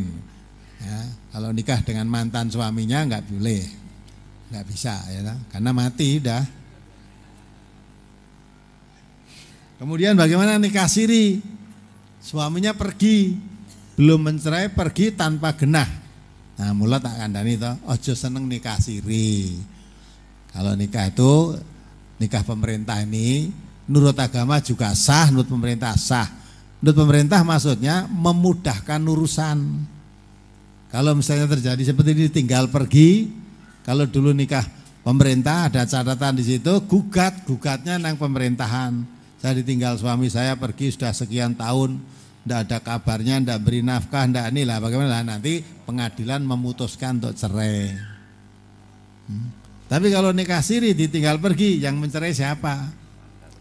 Nah, nanti kalau masih ada, datang yang nikahkan dulu, biar yang menikahkan dulu menceraikan. Nah, yang menikahkan sudah mati. Nah, kepada siapa nanti? Kalau dekat pemerintah, walaupun naib yang nikahkan dulu sudah mati, gantinya ada lagi gitu loh. Maka saya anjurkan warga MTA kalau nikah tidak usah nikah nikah siri. Nah, buat apa tuh kan nikah siri? Wong nikah secara pemerintah itu ya sah nurut agama, sah nurut pemerintah. Kalau terjadi seperti itu kan kasihan wanita. Hmm, orang mulai-mulai akhirnya nikah dengan bareng saya ini nikah sesuk teko suaminya. Nah, gimana? Kacau kan? Nah, urung Mekah tuh kok lambok tinggal suwe. Nah, dan maka lebih baik tidak usah nikah siri.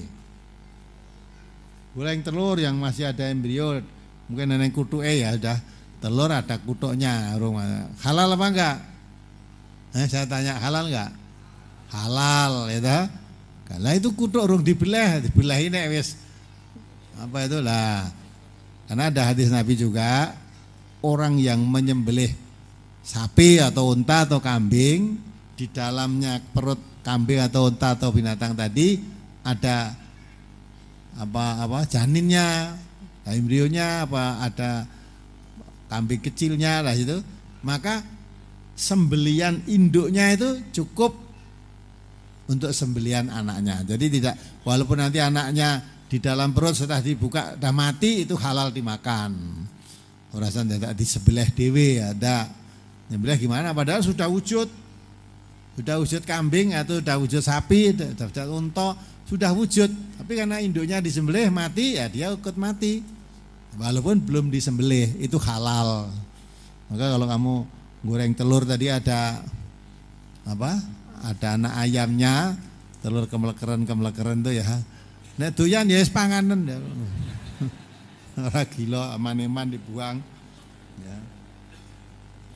Jadi kalau ada ayam Angrem beberapa hari kok tidak netes-netes dipetek wae ning anake goreng sisan wae gitu. Ya. Apakah MTA tidak punya pondok pesantren untuk khusus orang tua karena sudah panti jompo sudah ada. Ya. Yang diberi modal lah, panti jompo sudah banyak kok. Ya, pondok lansia itu nanti ya maka kalau mau mencari modal untuk mati, jangan jaga kena wis tua. Ya. Karena apa? Kadangkala yang muda itu matinya mendahului. Itu ada gulek kayak sangu diajari sangu mati, wah ora mati-mati malah sing nom sing gorong belum belum banyak sangu malah mati dulu. Maka Nabi kita pesan irtanim khomsan qabla khomsin. Ya kita akan kedatangan satu lima, lima hal maka sebelum kedatangan lima itu gunakan persiapan lima. Sababaka kobla haromik. Masa mudamu sebelum datang masa tua. Ya, masa muda banyak amal perbuatan yang baik, amal soleh, banyak berbuat baik. Nah, nanti kalau sudah tua tidak sehebat ketika muda. Kalau muda mau apa aja, udah. Kalau sudah tua berdiri mau sholat tahajud berdiri aja, ya pusing sudah gemeter, ya, maka ketika muda jangan malas-malas. Kumpulkan sehingga nanti kalau tua tidak banyak bisa berbuat baik ketika kemuda, tapi ketika muda sudah banyak tabungannya, tabungan amal baiknya banyak. Nah, tinggal setelah tua, tinggal sisa-sisa. Oh bisanya hanya dikir ya dikir, tidak bisa untuk aktivitas seperti yang muda-muda dulu. Tapi saya dulu pernah ngalami muda, sudah lakukan semua, ya. Maka jangan disia-siakan sihataka kobla sakomik ya kesehat kamu kamu sehat sebelum datang masa sakit mumpung sehat ini perbanyak berbuat baik jangan nunggu-nunggu setelah sakit baru cita-cita sok nek mari saya akan begini akan begini. Enggak, sekarang aja empuk sehat. Nah, kau kalau sudah sakit mencita-citakan sehat kembali belum tentu dapat. Ya. Kemudian wahinaka qabla fakrika. Ketika kamu kaya sebelum kamu miskin, sebab orang kaya bisa jatuh miskin. Maka ketika kaya gunakan amal apa itu amal apa harta kekayaan atau amal ibadah untuk berbuat untuk membelanjakan hartanya yang di jalan yang bermanfaat. Nanti kalau sudah miskin tidak bisa, jangan cita-cita besok kalau kaya lagi saya akan begini akan begitu, belum tentu bisa kaya lagi. Ya, itu. Kemudian farrogoka kobla sugrika masa longgarmu sebelum datang masa sempit. Yang terakhir khayataka kobla motik. Jadi sebelum matilah mumpung masih hidup mati banyak amal perbuatan baik sesuai dengan kemampuan yang ada. Nah, itu maka mempersiapkan amal yang butuh sanggup amal itu bukan orang tua-tua saja, termasuk yang muda-muda. disediakan pengajian seperti ini itu untuk mempersiapkan amal wal tandur nafsum makodamat God itu juga dalam rangka mempersiapkan amal untuk besok menghadapi mati itu. Hmm. Ya mudah-mudahan bisa dipahami ini. Terus apa lagi? Penanya berikutnya Bapak ini yang berbaju putih. Silakan. Assalamualaikum warahmatullahi wabarakatuh Bapak Ustadz Waalaikumsalam warahmatullahi wabarakatuh Dari mana Bapak?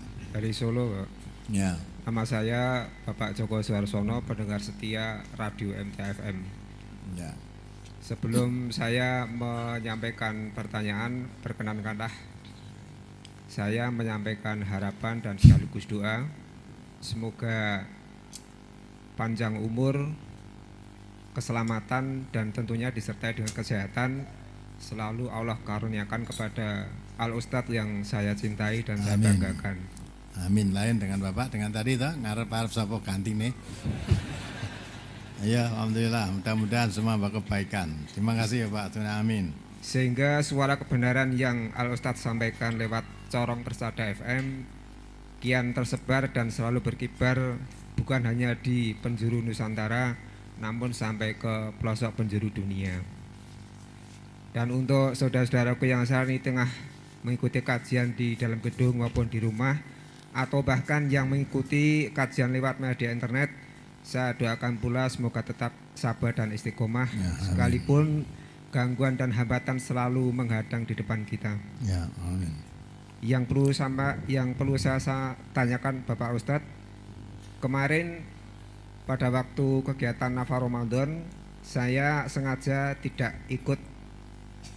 Nah, di sini saya merasa bersalah dan merasa berdosa karena saya tahu bahwa kegiatan nafar Ramadan adalah berdasarkan surat At-Taubah ayat 41 yang bunyinya A'udzubillahi minasyaitonirrajim.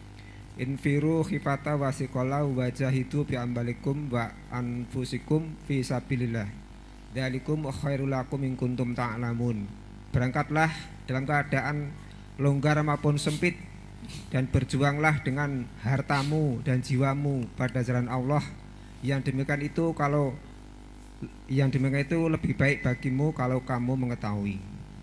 Nah, perasaan saya yang demikian ini saya tidak ikut nafar Ramadan lantas saya merasa berdosa berdosa itu apa apakah berlebihan atau tidak? Kalau seandainya tidak bersalah atau bahkan tidak berdosa padahal saya kemarin itu kondisi saya sangat memungkinkan uh, kondisi saya sehat waktunya ada dan dan juga biaya ada. Nah, kalau demikian halnya kepada semua saudara-saudara kita yang kemarin juga memiliki keadaan yang sama dengan saya, kemudian tidak ikut nafar Ramadan, berarti juga tentunya mempunyai perasaan yang sama dengan saya. Itulah Bapak Ustadz yang saya yang perlu saya tanyakan dalam kesempatan ini. Akhuru qali hada. Wassalamualaikum warahmatullahi wabarakatuh. Waalaikumsalam warahmatullahi wabarakatuh memang ayat itu itu berkenaan dengan perang. Jadi Rasulullah mengumandang untuk perang, siapa yang tidak ikut perang, ya itu termasuk mengabaikan orang yang ikut perang visabilillah saat itu, baik dengan berat atau ringan, longgar atau sempit, malah suruh keluarkan dengan hartanya, dengan kekayaannya, dengan jiwanya. Kalau kamu tahu, walaupun perang itu resikonya mati, ya, tapi kalau kamu tahu kamu lakukan itu lebih baik daripada kamu duduk termenung di rumah. Saudara-saudaramu nabimu ya berhadapan dengan musuh untuk berperang. Ini jadi ayat itu memang berkenaan perang. Nah kita memakai dasar ayat itu bukan situasi perang menghadapi musuh ya. Ya tapi nafar yang kita lakukan itu itu hanya memerangi hawa nafsunya. Kalau itu aja merasa berat apalagi kalau dikirim perang untuk menghadapi musuh tentu banyak pamit alasannya macam-macam gitu ya alasannya wah jauh wah saya dulu zaman dulu ya ada di perang itu alasannya saya paling tidak kuat kalau ketemu wanita berkulit putih saya khawatir nanti tidak tergoda masuk neraka gitu. Nah, ya. jadi kalau kamu khawatir tergoda masuk neraka panasnya luar biasa itu kamu sudah masuk neraka dulu sebelum masuk tergoda tadi. Nah, itu dengan Allah. Maka panas mana? Ada alasan terik panasnya matahari. Allah mengatakan panas mana neraka dengan teriknya matahari. Jadi padahal itu perang. Berangkat perang, situasi panas, terik, jalannya jauh, resikonya mati. Itu aja kalau kamu ikuti lebih baik kalau kamu tahu. kalau kamu tidak tahu ya lebih baik di rumah yang perang rekoso mati kalau di rumah kan ya enak-enak sama istrinya sama anaknya makan enak. Lah itu dah. Berarti kamu tidak tahu. Maka kalau ini apa nafar Ramadan itu melatih diri membiasakan diri semangat untuk berjuang visabilillah walaupun dengan keluarkan harta keluarkan tenaga keluarkan untuk praktek dalam hidup. Nanti sewaktu-waktu ada perintah yang lebih berat kalau yang ringan-ringan sudah dijalankan ya mudah kalau yang ringan saja tidak berjalan apalagi yang berat. Nah, maka mudah-mudahan kalau kemarin sebetulnya ada mendukung biaya, mendukung kesehatan, mendukung kendaraan tidak berangkat ya mudah-mudahan tahun depan kalau masih ada kesempatan lagi nah tidak disia-siakan. Itu Bapak ya. Silakan Bapak di tengah. Ya. Assalamualaikum warahmatullahi wabarakatuh. Assalamualaikum warahmatullahi wabarakatuh. Dari mana Bapak? Dari Bojonegoro, Tat. Oh, Bojonegoro Dari ya. binaan Bojonegoro, nama saya Suwardi Bakri. Ya, terus? Alhamdulillah tadi malam saya tidur sini bersama istri, anak dan cucu dan teman-teman tidur di sini. Jam berapa sampai di sini, Pak? Jam 2. Jam 2. Berapa rombongan? 15 orang. Hmm, ya. Nanti tadi malam bersama-sama yang dari Banjarnegara itu datangnya sama-sama yang disebut oh, Alhamdulillah ya. Saya sebelum uh, masuk pertanyaan ada titipan dari Parengan Tat yang tiga minggu yang lalu itu anaknya datang di tempat ini menanyakan tentang mau membuat kelompok pengajian itu ya. bagaimana tapi sampai sekarang belum terrealisasi Kemarin itu saya datang untuk bermusyawarah dengan Pak Joko dan Ustadz yang mengampu di Singgan sana, tapi belum ada penyelesaian. Sampai sekarang saya masih menunggu tidak lanjutnya bagaimana. Si itu hanya titipan anutan. Kemarin sudah tiga minggu ini saya baru bisa datang ke sini lagi. Jadi baru saya sampaikan. Terus kemudian saya ingin bertanya tentang orang munafik Jelas orang munafik itu bahwa perkataan dan perilakunya tidak sama. Yang saya tanyakan, apakah orang-orang yang memakai KTP Islam kemudian beliaunya atau orang-orang tersebut tidak melaksanakan yang disyariahkan Islam itu termasuk orang munafik. Yang kedua adalah setiap ajaran Al-Qur'an bahwa orang-orang yang masuk neraka itu kekal di dalamnya. Tapi banyak pengajian-pengajian yang di radio itu saya dengar baru kemarin bahwa orang-orang itu semua pasti akan masuk neraka lebih dulu. Apakah ada ayat yang seperti itu?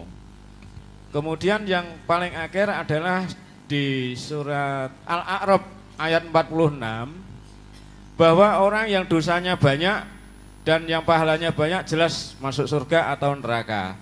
Tapi di ayat 46 itu ada orang yang ditempatkan di Al-A'raf. Itu orang yang bagaimana? Demikian Tat, ada kurang lebihnya atau ada perkataan saya yang tidak enak, saya mohon maaf yang sebesar-besarnya dan saya akhiri wassalamualaikum warahmatullahi wabarakatuh. Waalaikumsalam warahmatullahi wabarakatuh. Untuk Pak Joko nanti saya ingin bertemu Pak. Ya, monggo.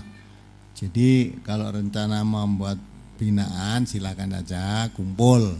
Misalnya pendengar-pendengar radio mau kepengen ada binaan langsung dari MTA pusat ya adakan kajian dulu di sana berapa orang binaan terus kemudian membahas membicarakan pakai modal brosur yang kita buat itu. Misalnya beli bendel brosur dikaji bersama-sama. Nah itu.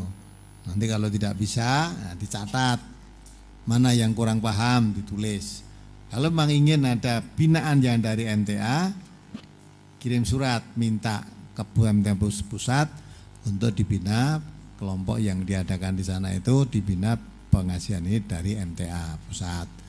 Nanti boleh dari kita kirim permohonan untuk dibina, nanti kita kirim guru yang membina di sana. Gratis tidak usah bayar. Nah, ya, karena mengapa tidak usah bayar? Karena di Quran diterangkan tadi kan, kulla as'alukum alaihi ajron. Katakan Muhammad, saya tidak minta upah atas seruan dakwahku, tidak minta upah apa pun. Nah, Dan yang kedua, orang yang KTP-nya Islam, tapi dia Islam apa munafik, ya. Kalau seperti itu mungkin karena tidak tahunya. Ngaku Islam, ngaku Islam, wes. Tapi jelas saja kalau dia tidak sholat kafir gitu kan, tidak sekedar munafik kafir. Karena yang membedakan Islam dan kafirnya seseorang adalah sholat. Kalau dia tidak sholat, ya kafir. Ya walaupun KTP-nya Islam, ya. Tapi dia tidak termasuk orang Islam karena tidak sholat tadi. Apakah ada ayat semua yang masuk ya itu mungkin yang dipakai dasar mereka itu biasanya memakai surat Maryam ayat 71 itu. Coba dibaca.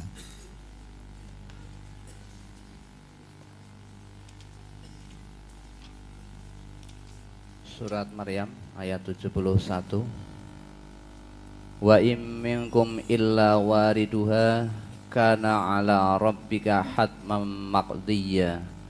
Dan tidak ada seorang pun daripada kamu melainkan mendatangi neraka itu hal itu bagi Tuhanmu adalah suatu kemestian yang sudah ditetapkan ya, jadi kalau ayat itu tidak ada seorang pun semua kamu mesti mendatangi neraka ya tak? Nah, mestinya dia yang dimaksud itu siapa, siapa orang itu? Ayat sebelumnya yang dibaca.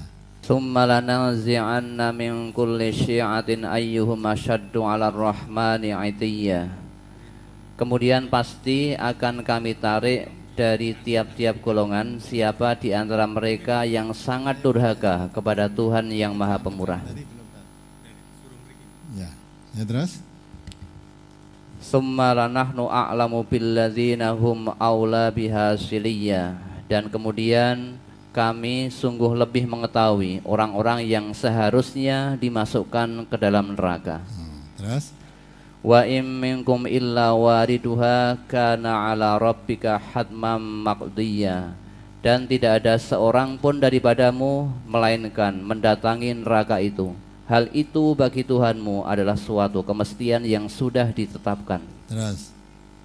Summa nunajjil ladzina summa nunajjil ladzina taqaw wa nadharudz zalimina fiha jisiyya. Kemudian kami akan menyelamatkan orang-orang yang bertakwa dan membiarkan orang-orang yang zalim di dalam neraka dalam keadaan berlutut. Ya, paham kan? Jadi orang yang masuk neraka itu sudah tahu Allah siapa yang mestinya masuk neraka, siapa yang mestinya masuk surga. Tidak ada mestinya masuk surga dimasukkan neraka itu enggak ada. Maksudnya siapa yang masuk neraka? Orang-orang kafir karena Allah menyediakan neraka itu untuk orang-orang kafir. Fattakun narolati wa quduhan nas wal hijaroh uiddat lil kafirin. Takutlah kamu kepada neraka yang bahan bakarnya manusia dan batu disediakan oleh Allah untuk orang-orang kafir. Ya, sedangkan orang-orang yang bertakwa wa'iddat lil mutaqin, itu orang yang bertakwa disediakan oleh surga. Maka Allah sudah tahu siapa yang mestinya masuk neraka, siapa yang mestinya masuk surga, tahu. Jadi tidak ada seorang pun kecuali mesti mendatangi neraka yaitu siapa? Orang-orang kafir. Tidak mungkin orang bertakwa masuk neraka. Itu ya yang dimaksud Pak. Jadi kadang-kala terus membaca ayat jangan dipotong itu aja. Tidak bisa ayat itu. Kalau motong-motong kacau. Ada ayat yang mengatakan fawailul musallin, mbok potong semono. Celaka orang yang sholat. Nah, terus gue dalil, gue tak tablik neng ngendi loh. Wong sholat cilaka glu ayate. Nah, mulai jodoh sholat kan gitu dah. Mesti kelanjutannya tidak cukup begitu aja. Ayat itu harus diteruskan. Bagaimana? Maka kadang-kala ayat itu ada sambungnya dari sebelumnya dan kadang dengan sesudahnya. Kalau kita melihat ayat itu yang dimaksud orang masuk neraka itu orang-orang kafir, nggak ada yang kelewatan, mesti masuk neraka semua. Nah, orang yang beriman diselamatkan oleh Allah, nggak ada yang masuk neraka. Selamat datang ini Pak. Masih ingat nggak dengan beliau ini? Nah, ini Pak Fitra Salam yang kemarin di Manahan.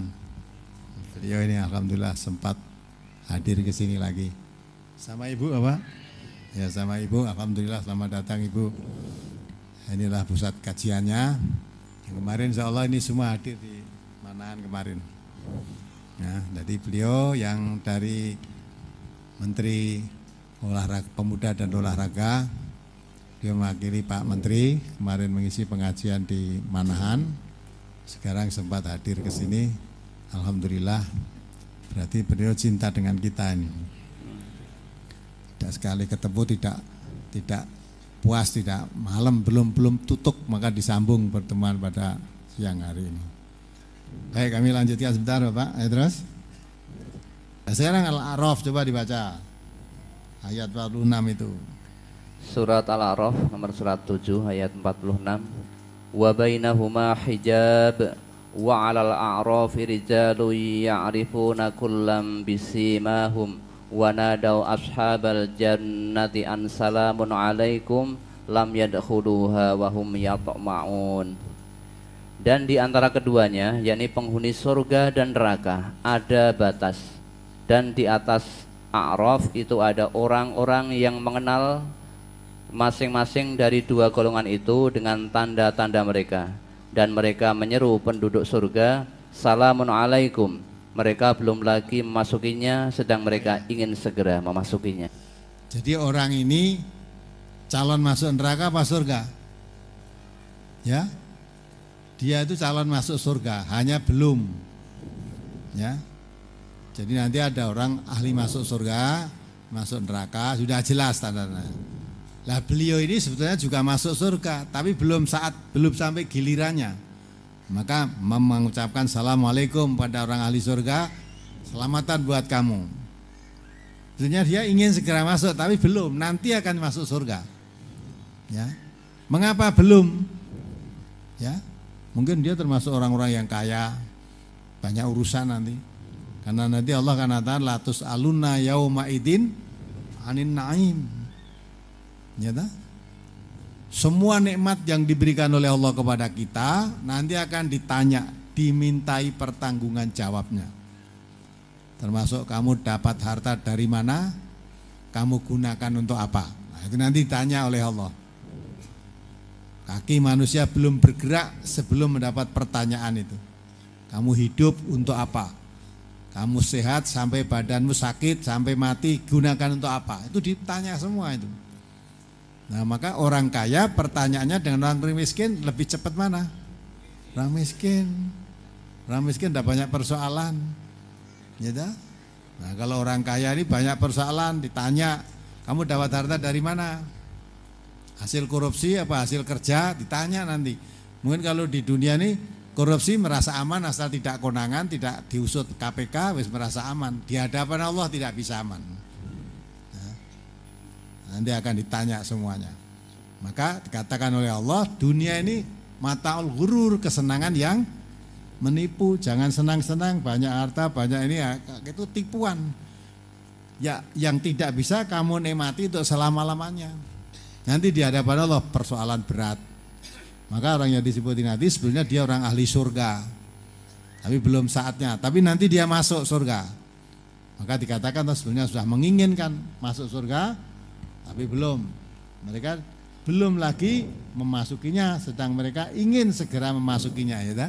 Jabril ingin segera masuk tapi belum maka kepingin wong sing ahli surga wah tampak gembira-gembira dan sebagainya dia senang jadi selak kepingin masuk tapi belum ya, jadi dia nanti calon masuk surga nah kalau orang yang udah masuk neraka sebetulnya ya kepingin masuk surga tapi ditunggu nanti kalau sudah ada unta masuk Coba dibaca ayatnya, surat Al-A'raf juga.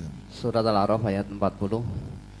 Innal kazzabu bi ayatina wastakbaru anha la tufattahu lahum abwabus samai wa la yadkhulunal jannata hatta yalijal jamalu fi sammil khiyat. Wa kadzalika nadzil mujrimin. Sesungguhnya orang-orang yang mendustakan ayat-ayat kami dan menyombongkan diri terhadapnya sekali-kali tidak akan dibukakan bagi mereka pintu-pintu langit dan tidak pula mereka masuk surga hingga unta masuk ke lubang jarum. Nah, jadi orang kalau sudah terlanjur masuk neraka, jangan harap masuk surga. Ya, Memang Allah menjanjikan orang ahli neraka nanti bisa masuk surga, tetapi syaratnya kalau sudah ada unta masuk ke lubang jarum. Itu padahal maksudnya tidak mungkin tangeh lamun unta kok masuk lubang jarum itu gimana? Ya. Namun kalau kamu tetap menunggu ya boleh aja silahkan. Terus ada yang mengatakan, oh, kalau Allah mengendaki unta masuk lubang jarum kan ya bisa. Bisa memang Allah itu mengendaki apa aja bisa kok. Orang kafir dikendaki masuk surga ya bisa. Orang bertakwa dikendaki masuk neraka bisa enggak? Bisa.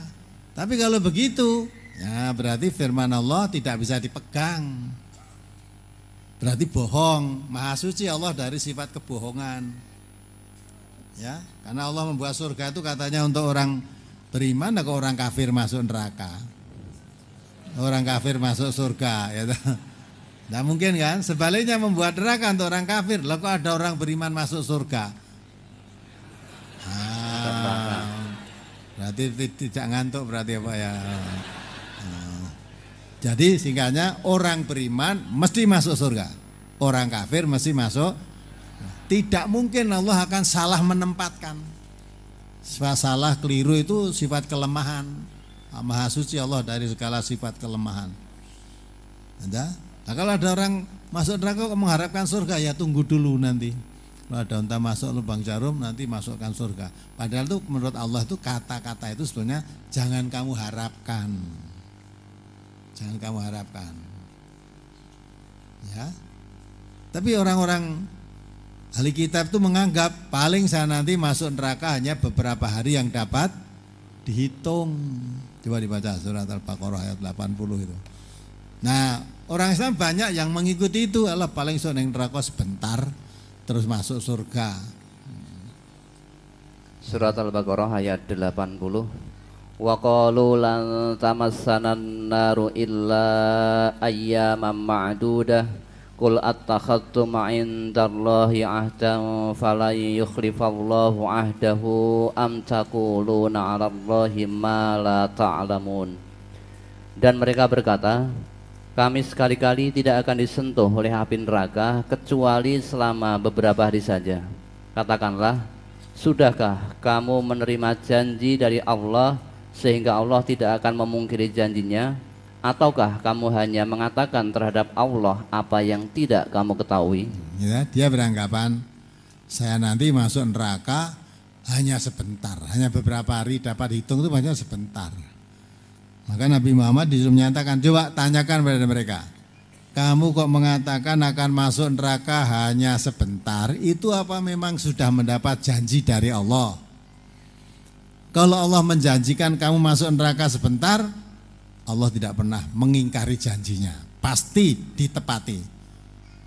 Tetapi kalau Allah tidak menjanjikan seperti itu kok kamu mengatakan seperti itu masuk neraka sebentar, itu apa hanya angan-anganmu sendiri? Nah, ya. Itu maksudnya orang masuk neraka itu khalidina fi ha abada. Orang masuk neraka abada, orang masuk surga juga begitu, sama. Maka jangan harapkan mau masuk surga walaupun harus lewat neraka dulu kecelek kamu kalau lewat neraka dulu masuk surganya nunggu kalau unta masuk lubang jarum kalau belum ada ya tungguin terus Nah kalau sampai ada unta masuk lubang jarum berarti Allah merubah ketetapannya. Sedang Allah mengatakan ya walan tajida li sunnatillahi tabtila walan tajida li sunnatillahi tahwila. Ya. Allah sudah membuat suatu ketetapan perub apa itu ketetapan Allah itu tidak akan mengalami pergantian, tidak akan mengalami perubahan. Maka tetap surga ya surga terus, neraka neraka terus. Maka itu kita berusaha menjadi orang itu ingin masuk surga tanpa lewat neraka gitu loh. Kalau ada saudara-saudara yang mau lewat neraka dulu ya silahkan itu hakmu. Gitu. Saya dulu tak lekat, idep-idep ngerasakan neraka ya silahkan itu aja. Hmm. Itu seperti perbandingannya seperti Nabi mengatakan orang yang bisa menangis matanya itu mengeluarkan air mata menangis karena takutnya kepada Allah ya Menangisnya karena takut pada Allah, bukan nangis kehilangan duit, bukan nangis dicopot jabatannya, bukan nangis karena kena PHK, bukan nangis karena anaknya mati, bukan. Nangisnya karena takut kepada Allah. Kata Nabi, tidak akan disentuh api neraka sehingga air susu itu bisa kembali ke teteknya. Air susu bisa kembali ke tetek. Mungkin enggak air susu yang dikeluarkan itu dikembalikan ke teteknya lagi bisa enggak? metungin di dalane. Walaupun tadi bisa dikeluarkan, diperes bisa keluar, ting balik kene ra iso. Nah, itu maksudnya orang yang nangis karena takut kepada Allah tidak disentuh api neraka sehingga air susu tadi bisa kembali ke teteknya. Maksudnya tangeh lamun seolah-olah orang yang nangis karena takut pada Allah itu dijamin masuk surga. Tapi menangis takut karena Allah itu tidak gampang. Ya, nek nangis kehilangan duit mudah. Ya, mudah itu. Mah masih ada ya satu lagi nih. Dari ibu dulu sekalian yang ibu yang di belakang tuh yang tadi sudah oh, berdiri. Ada. Oh, oh ya, bentar ya, saya berdiri. Ya. Assalamualaikum warahmatullahi wabarakatuh. Waalaikumsalam warahmatullahi wabarakatuh. Nama saya Siti Nurjana dari Semampir Banjarnegara, Pak. Banjarnegara. ya, oh, saya ya. akan menyampaikan masalah kulit sapi kurban, Pak. Apa? kulit sapi kurban. Oh, ya, kulit. Saya itu bingung, ya saya teman itu kalau dulu sudah pernah dijual untuk beli daging, katanya tidak sah itu. Lah, sebagai bagaimana yang sah menurut syariat syariat Islam yang benar? Itu yang pertama. Kemudian yang kedua, masa kini itu banyak orang yang menjalankan ibadah haji dengan cara dana talangan dari bank bagaimana hukumnya menurut syariat Islam yang benar. Katanya ada yang memaksakan diri, yang benar yang bagaimana. Sekian dari kami. Wassalamualaikum warahmatullahi wabarakatuh. Waalaikumsalam warahmatullahi wabarakatuh. Jadi Bu ya, kalau daging korban, apa kulit korban tadi dijual, dibelikan daging itu memang tidak pas. Ya, karena kalau dibelikan daging daging yang disembelih tadi bukan untuk dikorbankan. Dijual ke daging ke pasar, padahal yang di pasar tadi menyembelih sapi bukan untuk korban tapi untuk dijual. Maka kalau bisa dari itu kalau mau diperbanyak apa ganti-gantikan daging lagi dari kulit sapi berapa biji tadi dikumpulkan dan nanti ditukarkan kambing terus disembelih itu namanya penyembelian untuk korban. Kalau ditukarkan daging enggak. Hmm. Nah, kalau satu ya supaya kalap semuanya, ya kan? Tidak usah dikuliti, dicacai saja. Hmm, seperti di Jakarta di Pondok Cabai dulu ya begitu. Susah akhirnya dicacah sak kulitnya itu, sak dagingnya kulitnya dicacah. Nah, ternyata dibagikan dimasak kalau masih kulit masih basah itu ya enak John wes kering lagi di nah tidak bisa boleh itu kalau tidak ya dibagikan apa diberikan orang. Jangan dijual ya jangan di diberikan orang aja. Kemudian yang kedua talangan haji. talangan haji itu memaksakan. Memang ibadah itu kalau dipaksa biasanya enggak. Itu namanya bukan memaksakan, itu idza amartukum bisyai'in fa'tu minhu mastata'tum. Jadi kalau Allah memerintahkan sesuatu, laksanakan semaksimalnya. Semaksimalnya saya bisa ibadah haji tapi harus hutang dulu. Tapi saya ada jagan untuk nyaur hutang, itu boleh. Talangan haji itu kan ya hutang dulu. Nanti digenepi kalau sudah sampai saatnya. Itu boleh nggak apa-apa. Haji arisan kalau di MTA banyak yang haji ibadah haji arisan. Arisan itu akhirnya yang dapat duluan kan ya hutang. Gitu? Hutang nanti yang dapat duluan podo karo dihutangi anggota arisan itu. Boleh itu berusaha maksimal. Kalau tidak begitu, oh ibu-ibu beli rumah aja juga mau kredit kok. Nah orang kredit tidak punya rumah itu kan. Nah pada rumah, padahal haji ini wajib. Orang Islam itu wajib haji. Seumur hidup sekali aja wajibnya. Maka kalau bisa itu sah boleh tidak mengurangi apa-apa. Kenyataannya memaksakan itu ternyata dipaksakan ya kuat ibadah haji. Nera dipaksakan santai-santai aja nganti sepuh ya orang iso ibadah haji itu kan betul itu yang begitu itu betul hmm. ya satu lagi nih pak ya terakhir dari bapak ya. silakan Assalamualaikum warahmatullahi wabarakatuh. Warahmatullahi uh, saya dari Lampung Pak Ustadz. Ya. Nama saya Imam Nawawi. Alamat saya di Desa Sidomakmur, Kecamatan Penawartama, Kabupaten Tulang Bawang, Lampung. Sido Makmur ya? Iya. Alhamdulillah. Desa Sido Makmur. Ya mudah-mudahan makmur tenang. Ya. Hmm. Terus? Insya Allah Ustaz. Nah. Sini saya datang uh, kemarin dari hari Jumat jam 9 nyampe nya kemarin sore jam 18.15 menit. Sudah pernah ke sini? Belum pernah Pak Ustaz. Kok bisa sampai ke sini penunjuknya? Uh, saya cuma ikut bis, diturunkan di Solo, terus habis itu tanya sama tukang becak, ternyata semua orang Solo ramah semua Pak Ustadz. Ya, maka, saya diantarkan ke gedung MTA. Iya, kalau tidak ramah kan tidak dikirim ke Jakarta. Iya Pak Ustadz. Maka orang Solo saking ramahnya, iya. besok pagi dilantik jadi gubernur DKI. Alhamdulillah. besok pagi. Terus? Uh, Alhamdulillah saya bisa hadir di gedung NTA ini pagi ini dalam keadaan selamat dan bisa bertemu dengan Bapak Ustadz ya, yang sudah saya rindukan dua tahun yang lalu. Oh, saya hanya sekedar mendengarkan radio dan kali ini saya bisa bertemu langsung dengan Bapak Ustadz. Masa? Ada titipan ya, dari istri ya. saya Pak. Ya. Pertanyaannya yang pertama hanya cuma dua ya. Pertanyaannya yang pertama yaitu bagaimana hukumnya sesembelihan orang yang kadang-kadang sholat dan kadang-kadang juga tidak sholat.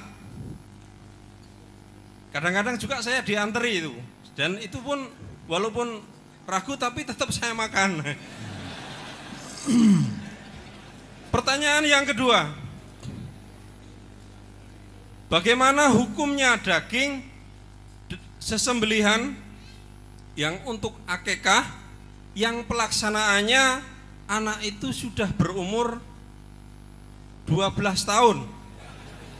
Itu juga dagingnya diantar. Saya memang tidak berkecimpung di dalam eh, katakanlah di perawangan itu sehubungan itu kakak saya sendiri. Saya tidak ikut ikut eh, berkecimpung di sana. Cuma dagingnya diantar. Dan itu dagingnya juga saya makan. Karena saya belum tahu tuntunannya uh, saya mohon petunjuk dari Pak Ustadz kalaupun itu haram apakah saya dan keluarga saya berdosa? Kalau itu halal ya Alhamdulillah itu memang sudah saya makan terima kasih itu Pak Ustadz mohon petunjuknya uh, dan kami akhiri wassalamualaikum warahmatullahi wabarakatuh. Istrimu juga mendengarkan enggak ini?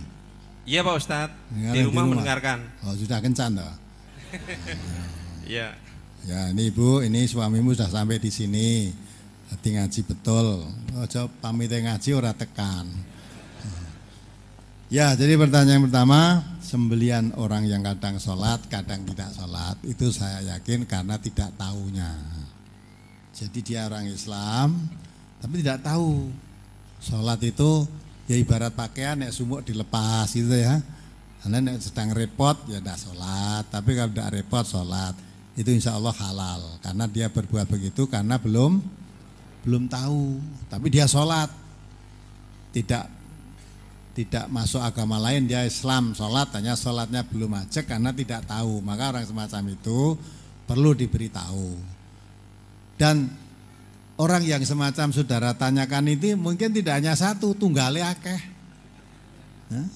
Yang salat sok sholat seorang itu mungkin ada. Wong ada yang kita salat aja nanti lagi piknik ya seneng-seneng karo kancane ora sholat. Ada lagi karena sibuk sedang rapat ora sholat. Gitu lah.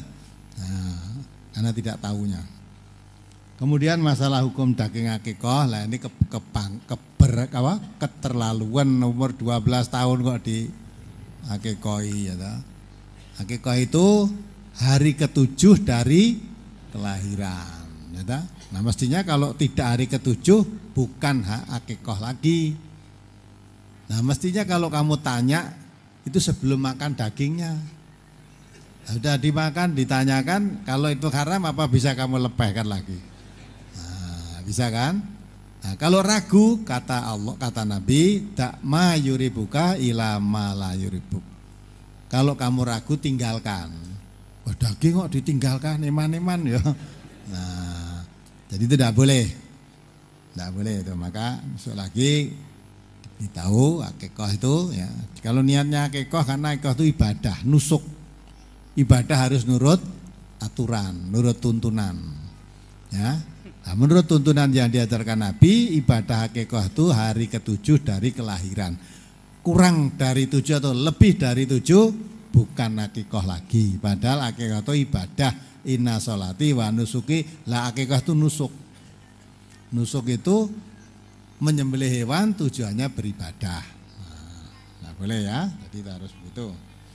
Saya rasa cukup apa yang saya sampaikan. Nanti sebelum saya akhiri, nanti kami mohon sepatah dua kata dari Bapak Fitra Salam yang ketemu kita kedua kalinya di sini. Barangkali ada pesan-pesan untuk kita setelah bertemu kita di mana itu di Manahan kemarin ya dengan ya tadi waktunya singkat kan lah ini ketemu langsung dulu ibu-ibu misalnya ya nggak bisa lihat beliau dengan jelas wong jauh.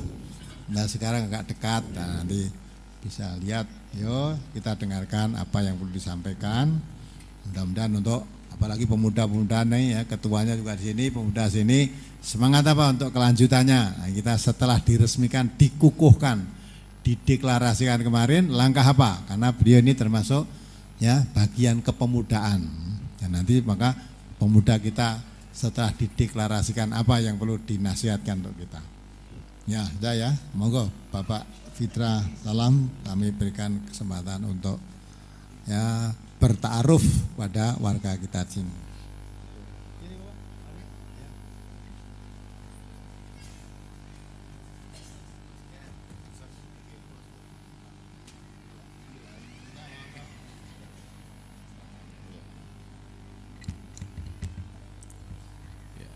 Bismillahirrahmanirrahim. Assalamualaikum warahmatullahi wabarakatuh. Yang saya hormati Pak Ustadz Dan sahabat-sahabat semuanya Peserta majelis tafsir Al-Quran Seminggu yang lalu Saya hadir di kota Solo ini Di Stadion Manahan Dan saya menjelang pulang Sempat berkata sama Pak Ustadz Pak Ustadz, jika Allah mengabulkan, insya Allah dalam waktu dekat saya akan ke sini. Ternyata Allah mengabulkan. Saya pagi ini datang ke sini dan kebetulan kemarin sore saya hadir di Taman Sriwidari, Taman Hiburan, membuka pekan kreativitas pemuda, di mana di situ diadakan berbagai kreativitas selama satu minggu dan itu bantuan penuh dari Kementerian Pemuda dan Olahraga. Kemudian yang kedua, saya bersyukur alhamdulillah baru pertama kali hadir Pak pengajian Majelis Tafsir Al-Quran ini dan saya sangat-sangat terharu, sangat-sangat bangga dengan begitu banyaknya Pak peserta Majelis Tafsir Al-Quran ini. Ada beberapa catatan saya dalam pengajian ini yang menurut saya sangat penting sekali, khususnya bagi anak-anak muda. Pertama, saya melihat pengajian ini semua pegang Al-Quran, Mbak. Ini luar biasa. Biasanya pengajian anak-anak muda tuh jarang pegang Al-Quran, mendengar saja. Ini menurut saya suatu hal yang luar biasa. Kemudian yang kedua semua pegang pulpen, nyatet semuanya. Ini seperti ya ini jarang jarang terjadi dan jarang saya lihat. Dan sepengetahuan saya pengajian seperti ini yang pernah saya lihat ada di Masjidil Haram di mana ada pengajian ayat per ayat semuanya. Dan ini di Masjidil Haram tentunya menggunakan bahasa Arab ya Pak ya di sini bahasa Indonesia jadi pengajian ini betul-betul menurut saya sangat detail. Jadi anak-anak muda khususnya itu diberi pelajaran betul-betul berdasarkan apa yang ada di Quran. Ini bagi saya betul-betul suatu hal yang sangat positif bagi anak muda karena banyak sekali anak-anak muda sekarang ini yang jauh dari Al-Quran Pak bahkan membaca Al-Quran pun tidak pernah. Sekarang saya lihat sekarang ini anak muda pegang Al-Quran, baca Al-Quran, dan mencoba mengerti tentang Al-Quran. Ini yang menurut saya kelebihan majelis tafsir Al-Quran yang dibandingkan dengan organisasi-organisasi lainnya. Dan dalam kesempatan ini saya mohon izin bahwa sekarang ini bulan Oktober adalah bulan pemuda khususnya kepada kaum muda anggota di Majelis Tafsir Al-Quran ini mari kita peringati hari Sumpah Pemuda ini dengan cara hikmat dan sederhana karena untuk Bapak Ibu ketahui sekalian bahwa Indonesia ini adalah negara yang cukup unik negara yang cukup menurut saya jarang terjadi di mana-mana kita memiliki bahasa, memiliki lagu Indonesia Raya itu jauh sebelum kemerdekaan. Jauh sekali. Kita memiliki bahasa 17 tahun sebelum merdeka. Kita memiliki lagu kebangsaan 17 tahun sebelum merdeka. Dan kita memiliki bangsa 17 tahun sebelum merdeka, Pak. Negara-negara lain memiliki lagu kebangsaan itu setelah merdeka. Negara-negara lain memiliki bahasa itu sebelum setelah merdeka. Indonesia adalah negara satu-satunya yang memiliki bahasa, yang memiliki bangsa itu sebelum merdeka. Ini saya kira suatu hal yang menurut saya cukup penting dan untuk ibu bapak ketahui sekalian, khususnya kaum muda, yang mempelopori, yang mendesak kemerdekaan Indonesia itu adalah anak muda. Anak muda semua Pak. Bayangkan anak-anak muda sudah membuat konsep untuk bangsa, bahasa sejak tahun 28. Bayangkan perjuangannya Pak baru merdeka alhamdulillah tahun 45. 17 tahun anak-anak muda untuk berjuang. Oleh karena itu, mumpung ini bulan pemuda, kami minta kepada kaum muda khususnya anggota pemuda Majelis Tafsir Al-Qur'an mari kita bergunakan optimalkan bulan pemuda bulan Oktober ini untuk melakukan refleksi, untuk merenungkan kembali kira-kira apa yang sudah kita lakukan untuk bangsa dan negara. Saya kira Majelis Tafsir Al-Quran khususnya anak muda Pengajian ini merupakan kontribusi bagi perbaikan moral anak muda Tadi saya dengar tadi dari teman-teman dari yang baru datang tadi yang sudah tobat ya kan? Ya itu saya kira saya berharap juga anak muda semua tobat semuanya ya kan? Bukan hanya emas saja tetapi juga kita semuanya tobat. Mari kita menuju kepada jalan yang benar sesuai dengan petunjuk Al-Qur'an. Kalau semua anak muda ini tobat saya kira nanti tidak ada lagi orang yang narkoba, tidak ada lagi yang tawuran, tidak ada lagi yang mabuk-mabukan, ya kan? Oleh karena itu saya berharap anak-anak muda di mana pun juga pemuda MTA menyebarkan virus-virus positif tafsiran Al-Quran ini sehingga karakter anak muda, perilaku anak muda itu sesuai dengan hakikat substansi Al-Quran. Ini saya kira harapan kami kepada Majelis Al-Quran. Dan kami dari Kementerian Olahraga sangat mendukung sekali kegiatan-kegiatan yang bersifat untuk perbaikan moral anak muda. Dan khususnya bagi ibu-ibu tentunya tugasnya tentunya berat sekali karena ibu-ibu adalah yang paling banyak e, bersama anak-anak ya kan dan lingkungan pertama bagi anak-anak muda adalah ibu sendiri. Kami berharap ibu-ibu juga bisa memberikan perhatian kepada anak-anak yang remaja yang bakal muda. Dan tentunya kalau misalnya semuanya ini semua baik, insya Allah negara kita juga baik. Jadi sekali lagi saya bersyukur pagi ini, siang ini saya dapat hadir di Majelis Tafsir Al-Quran ini dan saya berharap berdoa semoga Allah Subhanahu wa taala mengabulkan saya datang lagi ke sini. Dan kalau tidak sempat mungkin nanti saya bisa mendengar dari radio. Tapi saya belum pernah melihat di TV nih, nanti saya lihat coba di TV yang yang mana nanti saya lihat. Tetapi paling tidak pengajian-pengajian seperti ini menurut saya sangat-sangat luar biasa. Luar biasa. Semua pegang Al-Qur'an. Bayangkan itu. Semua pegang pulpen, semua pegang nyatet semuanya.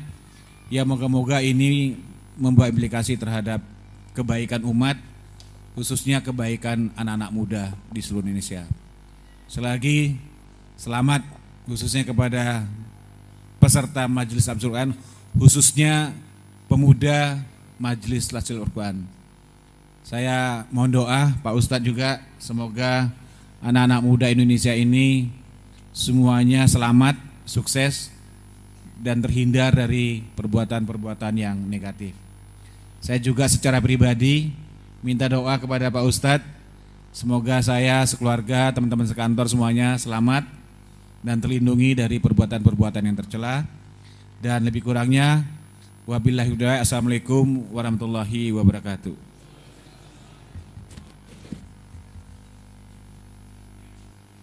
Ya, terima kasih. Ini Pak Fitra Salam memberikan pesan yang sangat positif kepada generasi muda. Kenapa yang tua tidak dipesan? ya. ya, kenapa? Pertama ini karena bulan muda. Kalau yang tua itu, sudah tidak dipesan, sudah paham. Ya, ya, karena orang makin tua itu makin dekat ke mana? Makin ke kubur. Masa dekat ke kubur masih mau mabuk-mabuk? Masih mau ya narkoba ya mudah-mudahan dengan generasi muda ini karena generasi muda itu sebagai penerus bangsa kita. Kita harus mempersiapkan generasi penerus yang lebih baik daripada yang sekarang ini. Ya mudah-mudahan dengan pesan Tio tadi para pemuda MTA khususnya di seluruh Indonesia ini baik yang ikuti pengajian di sini langsung atau yang lewat internet lewat satelit ya lewat apa itu kajian jarak jauh mudah-mudahan bisa mendengarkan dan memperhatikan sehingga waktu mendatang ini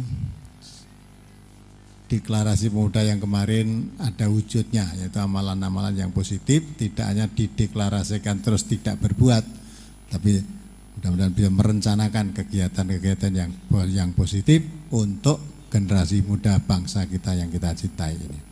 Baiklah Bapak-bapak, Ibu-ibu dan saudara sekalian, mari pengajian kita akhiri. Alhamdulillahirrahmanirrahim. Subhanakallahumma wa bihamdika asyhadu an la anta astaghfiruka wa atubu ilaik. Assalamualaikum warahmatullahi wabarakatuh. Waalaikumsalam.